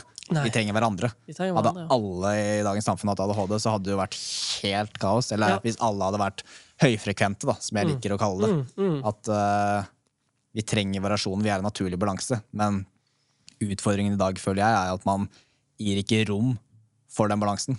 Vi skal være én type. Ja. Du skal stå opp om morgenen, du skal sette deg på jobb, du skal komme hjem, og så skal du eh, Se på Netflix. se på Netflix, Runke til porno. Runke til porno og det er jo trist Ja. at uh, det er så mange ja, Ja. barn som Hvordan tror du uh, dine unger vil bli Ja? De vel, har vel sikkert noen likheter, de òg. Og hvordan, eh, hvis jeg kan spørre om det her, Det hvordan ønsker du å møte de, og hva tenker du også om dagens skolesystem? Eh, Først og fremst så har jo jeg to døtre. Den ene er ikke født ennå, men har fremdeles to døtre. Jeg tror at døtre og sønner er to forskjellige ting. Så jeg tror at det å være far til søstre Nei, til døtre Skal ta et ut det var far til søstre. Uff da. Nei, jeg tror det blir vanskelig. Jeg tror det blir utfordrende. For meg så, jeg tror det handler veldig mye om å lære seg å lytte. Å være en god lytter. Og observere barna sine. Være til stede med dem. Se dem inn i øynene. Snakke til dem. Mm. Dattera mi kan ikke snakke. Hun kan si noen ord her og der, og nå lærer hun veldig fort flere ord. Men jeg har fortalt henne helt siden hun var bitte liten, at jeg elsker at hun er her. Og at hun er verdifull Så fint. og at jeg er her for å hjelpe henne. Du er trygg. Pappa skal gjøre sitt beste. Og jeg skal gi deg alt jeg kan gi deg. Og jeg skal alltid prøve å bli bedre. Det har jeg alltid sagt til henne. Helt siden hun var bitte liten. Når jeg har lagt henne på kveldene, når jeg har båret henne, når jeg har holdt henne. Hun har ikke forstått ordene, men hun har kjent energien. Ikke sant? Ja, det, det er fint å høre på. Så det er på en måte den Det er sånn jeg er som far, da. Det handler om kontakt hele tida. Jeg vil få dyp kontakt med barna mine. Og jeg vil være en gammel mann. Når jeg er 80 år, så vil jeg at barna mine skal ville komme til meg fordi de elsker meg, og jeg har gitt dem så mye. Ikke sant? Det er det for meg, i hvert fall. Jeg vet ikke hva spørsmålet var. Jeg, eh, Eh, hvordan egentlig du vil møte barna dine. jeg vil møte dem med en- kontakt. Dyp kontakt. Jeg tror du sier Ærlighet. noe veldig fint der, noe som også vil være veldig fint for dem. At du har fortalt dem det her. Eh, eh, på samme måte som takknemlighet. Det er ikke det at du sier hva Men jeg du må vise det òg, ikke sant? Jeg kan Du ikke bare si det. Nei, men, men, men tenker at uh, det er jo beste måten å kanskje vise det på i den alderen hun er i nå, er jo følelsen. Mm. Fordi mennesker tar opp mer ting enn det vi ser og hører. Ja, ja, ja. Uh, det tror jeg er uh, Du høres ut som en veldig, veldig god far. En annen ting som har blitt viktig viktig for meg, det siste som jeg har reflektert mye over, det er tilgivelse. Jeg, jeg skal alltid si unnskyld til barna mine. Det å be om tilgivelse til barna sine. For det er vi gjør alle feil som foreldre. Det kommer perioder der vi, det er ting vi ikke får med oss. Kanskje vi glemte å se barna våre i en viss situasjon der barnet trengte å bli sett. Vi gjør alltid feil, og det er helt greit. Men vi må ha en nådefull tilnærming til det. Og be om tilgivelse. Det å si unnskyld til døtrene mine, det skal jeg alltid gjøre. Hvis jeg har behandla dem på en måte som har såra de, så skal jeg si unnskyld, og så skal vi snakke om det. Sant? Og hvis meg og, og mora di har for eksempel en tung og vanskelig periode, hvis det blir mye press på oss, så kan vi bli litt snappy til hverandre. ikke sant? Men at det alltid er forsoning. Ja. Vi må alltid forsone oss med hverandre som foreldre. For når barna vokser opp i et miljø med forsoning Å, herregud, det gir så mye, tror jeg. Trygghet. For det er det barn vil ha. De vil ha trygghet. Spesielt uh, når det er jenter òg. Den der føler den tryggheten. Ja, jeg sier ikke at gutter ikke har behov for trygghet. Vi har Alt, jeg, jeg behov tror når det kommer det kommer et visst skille når gutter nærmer seg seks, kanskje sju, fem, seks, der det skiller seg veldig Ja. hva som er forskjell på gutt og jente. Klart. Men fram til det så tror jeg basically er det samme. Jeg er enig. Og vi er jo i dybden veldig mye av det samme òg. Ja, Vi ja, har jo de samme følelsene, vi er bygd opp av de samme organene. Til en viss grad. Det er Til en viss grad. Det er alltid noe som er likt. Og jeg tror uh, at menn og gutter er mer like. Nei, menn og kvinner er mer like enn ulike. Ja. Men jeg tror at ulikhetene er viktig å forsterke for å forene. Mm. Ikke sant? Det var veldig godt poeng, egentlig. At vi har flere likheter enn ulikheter, men ulikhetene er veldig viktig å belyse Ja. for å også ha den balansen. For det er jo på flere måter kommet til et punkt hvor man skal være for like òg. Mm. Og det skaper ubalanse igjen. ja, ja, ja. Mye refleksjoner i den samtalen her, altså. ja. Veldig. Men jeg, jeg, jeg tror du har veldig mye inspirasjon til foreldre også, uh, med tanke på det du sier, og i forhold til hva jeg har prata med andre mennesker om hvordan folk har opplevd å ikke bli møtt da, Mm. som barn. Noe som ja, var en feil, men det har også gitt en styrke. At Ja. det er på en måte, Man tråkker feil, man sårer mennesker. Selv vi eh, kommer til å oppleve flere situasjoner i livet hvor vi sårer mennesker. Men jeg tror det viktigste er å ha en åpenhet rundt det og faktisk forstå hverandre. ja. At det var jo ikke meninga, det var ikke intensjonen. Mm. Men man tråkker over noen grenser. Jeg gjorde feil. Alle gjør feil. Ja, Det, det, det, å kunne, det å våge å si at jeg gjorde feil, åh, det er så kraftfullt, ass. Det er det. Jeg har begynt med det siste og praktisert det. Okay. Bare til partneren min, til familien min, til alle menneskene jeg Ja, for det har vært utfordrende tidligere. Veldig. Stoltheten. ikke sant? Jeg gjør ikke feil. Jeg har alltid visst at jeg gjør feil, men jeg vil heller fokusere på det jeg gjør rett. Men hvis du stopper opp et øyeblikk og bare våger å si at jeg gjorde feil nå, er sårbar om det, det, det skaper en, det skaper en kraft i relasjonene som er helt eh, det, det, altså det skaper grunnlag for så mye større vekst, da, sammen. Hva slags type feil er det du har gjort som du føler lærer deg, har lært deg mest? Nei, det kan være for eksempel Og så er det noen ting som jeg mener er feil, som på en måte ikke er verdt å fokusere på. Sånn småting. Ja. Men ting som Ting som sårer andre mennesker. Øyeblikk der du ikke ser andre mennesker fordi du er så absorbert i ditt eget. Når du får den på en måte innsikten i ettertid at oi, i det øyeblikket der så så, så ikke jeg dama mi. Hun trengte at jeg så hun der. Hun trengte ikke at jeg bare pøste på med løsninger. Den der maskuline. Ja. Men hva trenger du, da? Vi skal fikse det. Jeg skal fikse deg. Bla, bla, bla. Hun trengte bare at jeg holdt kjeft Mm, og lytta. Holdt rom. Holdt, holdt rommet og så henne. Så klarte ikke jeg å gi henne der. Ok, Så skjønner jeg det seinere. Så kommer jeg tilbake og sier jeg, jeg, jeg ber om unnskyldning. Kan du tilgi meg for at jeg ikke lytta til deg? Jeg skulle ha gjort det, og nå vil jeg prøve å bli bedre. Mm. Med en gang så åpnes hjertet hos sitt. Mitt hjerte. Forsoninga. Bom, ferdig. Så fortsetter vi. Jeg lurer på hva det også kommer av det med at det er farlig å gjøre feil. Jeg tror eh, Jeg kan jo ikke så lett snakke for alle andre, men jeg tror fra min del så kommer det mye av uh, også hvordan vi kanskje ikke lærer til at feil er riktig å gjøre. Det er viktig med, altså For å gjøre noe riktig så må man ofte også tråkke feil. Alltid. Ja, det er jo en viktig prosess. Man kan aldri gjøre noe rett hvis ikke man gjør feil først. Nei, man kan For ikke det. Hvordan kan man vite hva som er rett hvis ikke man har noe å sammenligne det med? Helt klart. Det er jo en polaritet i alt. Alt. Det er også veldig interessant sånn med tanke på hvis du går litt dypere i ting, da, at alt har en polaritet. Absolutt alt. Så for å være god, så må du også vite hva ondt betyr, til Ja, en viss grad. ja. For å Og du må ha kjent det. Du må ha kjent det. Du må til og med ha gjort det. Tror jeg. Og der tror jeg gode erfaringer for meg var å faktisk være Jeg tør å påstå at jeg var en drittsekk på mange måter i yngre alder. Ja. Altså barneskole og ungdomsskole. Skapte kaos for andre. Ja. Sa mye dritt. Fant på mye tull. Var en byrde. Jeg tror jeg, jeg er veldig glad for den. Også det, det å stjele på butikken da jeg var ungdom. Gjøre de tinga der. da Jeg er takknemlig for erfaringene, for Ja. det har også vist meg at uh, det er en side av det som ikke er bra. Og det, det måtte ha lært meg mye. Ja. Og det gjør at jeg på en måte jeg kjenner til det. Og jeg kan Mm. også møte unge i dag som er der, og forstå dem på en bedre måte. Ja. Men jeg tror ikke nødvendigvis at alle trenger å erfare det. Men jeg har også Dette er ikke noe faktabasert som jeg har, men jeg har hørt det, og det gir litt mening for meg, og det er at eh, unge gutter som alltid har fulgt reglene Sier ikke at dette er en fasit, for det er jo forskjellige situasjoner.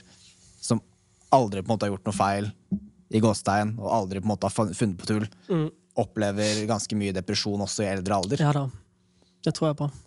Jeg vet ikke om du, du fant sikkert på mye tull også når du var eh, kid. Oh, ja, ja. ja. Jeg kjenner meg igjen i å være en drittsekk. Mm. Ja, absolutt. Jeg var absolutt en drittsekk. Um, På hvilken måte da? Stjal på butikken. Ja? Eh, tok ikke hensyn til folk sine følelser. Tok vel ikke hensyn til dine følelser heller? Tok ikke hensyn til min følelse heller. Og begge veier, vet du. går, ja absolutt. um, eh, nei, jeg var veldig selvabsorbert. Mm. Um, hadde ikke lytta til folk. Mm. Men det handler jo veldig mye om deg sjøl. Jeg hadde ikke fått kontakt med meg sjøl. Hadde ingenting jeg respekterte meg sjøl for eller elska meg sjøl for, så hvorfor skal jeg tilby det til noen andre? Ikke sant? Nei, jeg husker jeg også Snusbokser var en stor ting for meg. Å. Og så stjeling, da. Ok. I åttende klasse. Ja, for det, det, det gikk an før. Det gikk an før. Hva sa du? Det gikk an før. Ja, Når skapene sto ute. Ja, jeg Ja, nå går det ikke an. jeg har stjålet en snusbok sjøl, faktisk. Jeg husker det nå. Ja, vi var ganske Jeg husker til og med hvor det var. Det var på Ullevål. Og såpass. Eller, eller Vålerenga. Eller ja, et eller annet sted i Oslo. Vålerenga, Ullevål eller noe sånt. Der stjal jeg en snus en gang. For du har bodd i Oslo øh, hvor mange år? Jeg har bodd til sammen sikkert tre-fire år, i to perioder. Ja, ok. Var det var- du studerte, eller var det bare Ja, ja, jeg prøvde å studere, men det handler bare om dop, egentlig. dypest det. sett. Det handler om å leve Altså, jeg, jeg hadde en periode der jeg ville bli forfatter, og på mange måter så vil jeg ennå det. Jeg har noe jeg vil skrive, jeg men jeg vet ikke om jeg skal skrive bøker, eller om jeg skal skrive på andre måter. Men jeg har alltid likt å skrive. Og noen av de første måte, forfatterne jeg ble introdusert for og drømte meg bort i, det var liksom Hemingway og Bukowski og Kerouac. Har du hørt om de gutta der? Jeg har ikke hørt om de. Det var liksom den der amerikanske Spesielt Bukowski og Kerouac. Og de, de, de folka der, Ellen Ginsberg, kjent poet, de var på en måte den der eh, bohempoetene. Ja. Som liksom reiste rundt i land og drakk seg fulle og tok dop og satt på skrivemaskinen og skrev. Så jeg, jeg falt veldig for den romantikken i det, da. Ja. I det der utsvevende kunstnerlivet. Så det var jo på en måte planen, da. Så skjønte jeg veldig fort at det funka ikke for meg. Nei. Og når jeg skjønte det, så var jeg allerede så langt inn i det der rusmiljøet at uh, jeg måtte bare peise på og bli ferdig med det, egentlig. Ikke sant. Ja, for det er vel en stor forskjell på det å bruke noe som et verktøy versus å bruke noe som en flukt. Absolutt. Absolutt. For jeg, jeg tror ikke nødvendigvis at øh, Jeg også er på samme side som deg der. Eller jeg har samme erfaring av at øh, det hjelper meg ikke lenger. Men jeg har også erfart at rusmidler har gitt meg Gitt meg um, mulighet til å motta noe jeg kanskje ikke hadde mottatt på samme måte. i forhold til kreativitet. Ja, ja, ja. Produsere musikk, lage sanger. Ja. Eh, og det tror jeg er et viktig tema å ta opp på, for det er jo liksom uh, Du ser jo mange store kunstnere som har skapt store ting, som ikke ville kommet om det ikke hadde vært for ting de hadde tatt. ja. Og det er jo ganske interessant. ja. Det derre Viktigheten av kanskje lære Kanskje ikke bare si jeg, jeg, jeg støtter jo ikke at man skal ruse seg. For det, det, det blir ofte, i hvert fall i ung alder, brukt som en flukt. For det er veldig tungt å vokse opp ja. for veldig mange i dagens samfunn. Mhm. Det er mye du skal være, det er mye status, det er mange krav. Eh, Og det er jo ikke lett å være menneskelig. Og så er det feil krav. Feil Det er dumme krav, spør du meg. Ja, absolutt. Ja, det er et krav uh, som ikke aligner med det sanne deg. Det er det. Ja. Og da er det så mye lettere å bruke det her til flukt. da. Ja. Men uh, samtidig så er det jo Men det samme gjelder alkohol. Jeg synes alkohol heller er Det burde heller ikke promoteres. Nei, absolutt ikke. Og det blir det jo. Ja, ja, ja, Det blir reklamert i media i dag. Vi prom altså, for eksempel russetida, da. Det har jeg tenkt mye på det siste. Det, det har jeg blitt imot. Altså, det, det, der kommer jeg sette foten ned hele tida. Altså, det er en utrolig dårlig idé. Ja, men vi skal jo feire. Hva er det vi skal feire? Det er jo ikke en Kan vi ikke feire på en ordentlig måte? Hvorfor skal vi drikke, drikke ikke drite og høre på eh, musikk, musikk, og ha sex ut, altså, ha sex rundt forbi og bare leve som idioter? Mm. Ja. Helt uten ansvar. Ja, hva feirer du egentlig? Ja, Hva feirer du egentlig? Eh, så ja, det var en avsporing, da. Men, Nei, men jeg, men jeg synes det er veldig interessant. Jeg tror det er en nyttig, nyttig avsporing. For Altså, ja. du, du feirer jo, For det første så er det jo også før du er ferdig med skolen. mm, ja, ja. Men samtidig så er det sånn. Jeg føler at det veldig mange feirer, at nå er vi ferdig med å lære til miskreditt. Jeg føler den energien Ja. litt. At det er sånn Når du ser liksom uh, uh, på skoler i USA, da, at du kaster opp hatten Ja. og er ferdig. Det, det er en fin ting å feire at du har jobba hardt på skolen og sånne ting. Ja, ja. Uh, respekterer den. Men jeg føler også at på mange måter så er det på en måte nå er jeg ferdig med å liksom måtte sitte og lære. Nå kan jeg leve. Du skal jo alltid lære. Ja, ja, ja, ja. Men læring i dag er nok ofte assosiert med noe negativt. At Mm. du skal sitte og I hvert fall for meg, da, i lang tid. Jeg var jo Jeg, jeg sa litt med stolthet for mange år siden at nei, jeg leser ikke bøker. Syns jeg alltid har vært kjedelig. Men det er fordi at jeg assosierte det å lese bøker med å måtte pugge til samfunnsfag eller naturfag eller noe som ja. uh, ikke var interessant. da. Mhm. Men å lese bøker og lære er jo utrolig morsomt så lenge det er noe du har en lidenskap for. ja. Kan jo sitte med en bok i mange timer hvis det er noe interessant. ja visst. Og det også er jo noe veldig mange blir forklart, spesielt mennesker med utfordringer på skolen, da, eller ADHD, at eh, du sliter med å fokusere. Det er noe som blir sannhet for deg, og så tror du på det, men det er jo ikke det at du sliter med å fokusere med ADHD. Du sliter bare med å fokusere på ting som ikke interesserer deg. Ja, ja. ja, jeg har veldig godt fokus, vil jeg påstå, når det er noe jeg har lyst til å gjøre. Ja. Og det er jo egentlig en gave. Ja, ja. Det er jo ikke en negativ ting i det hele tatt. Nei, Det er ikke det. det er ikke det. Jeg syns det har vært uh, morsomt å prate med deg. Ja. Denne episoden der, like måte. Jeg føler Veldig det var en naturlig flyt og lært veldig mye. Ja. Så garantert høre gjennom episoden og Ja. ta fram notatboka og lære litt. Ja, ja. ja, vi kunne jo fortsatt òg, vet du, for vi har jo det er så mange løse tråder som hadde vært interessante å tatt opp. Så det har vært en veldig eh, innholdsrik og næringsrik samtale. Så jeg setter veldig stor pris på at eh, du har kommet til Flekkefjord Jo, for, å, for en... å snakke med meg. Det er veldig fint. eh, Det er jeg veldig glad for. Jeg liker å reise og liker å møte nye mennesker. Mm. Det er fint å oppleve nye steder også.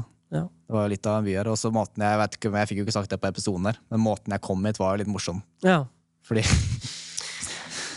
Kom med toget, og så Mm. ser jeg at toget er jo det, Vi lå jo 20 minutter bak skjema. Mhm. Og jeg hadde beregna at jeg hadde 20 minutter fra jeg kom til Sira stasjon, til å ta den siste bussen. Mm. Jeg er jo litt øde uti her. i hvert Ja, fall ja, på ja, Sira. ja, ja, på Sira, ja.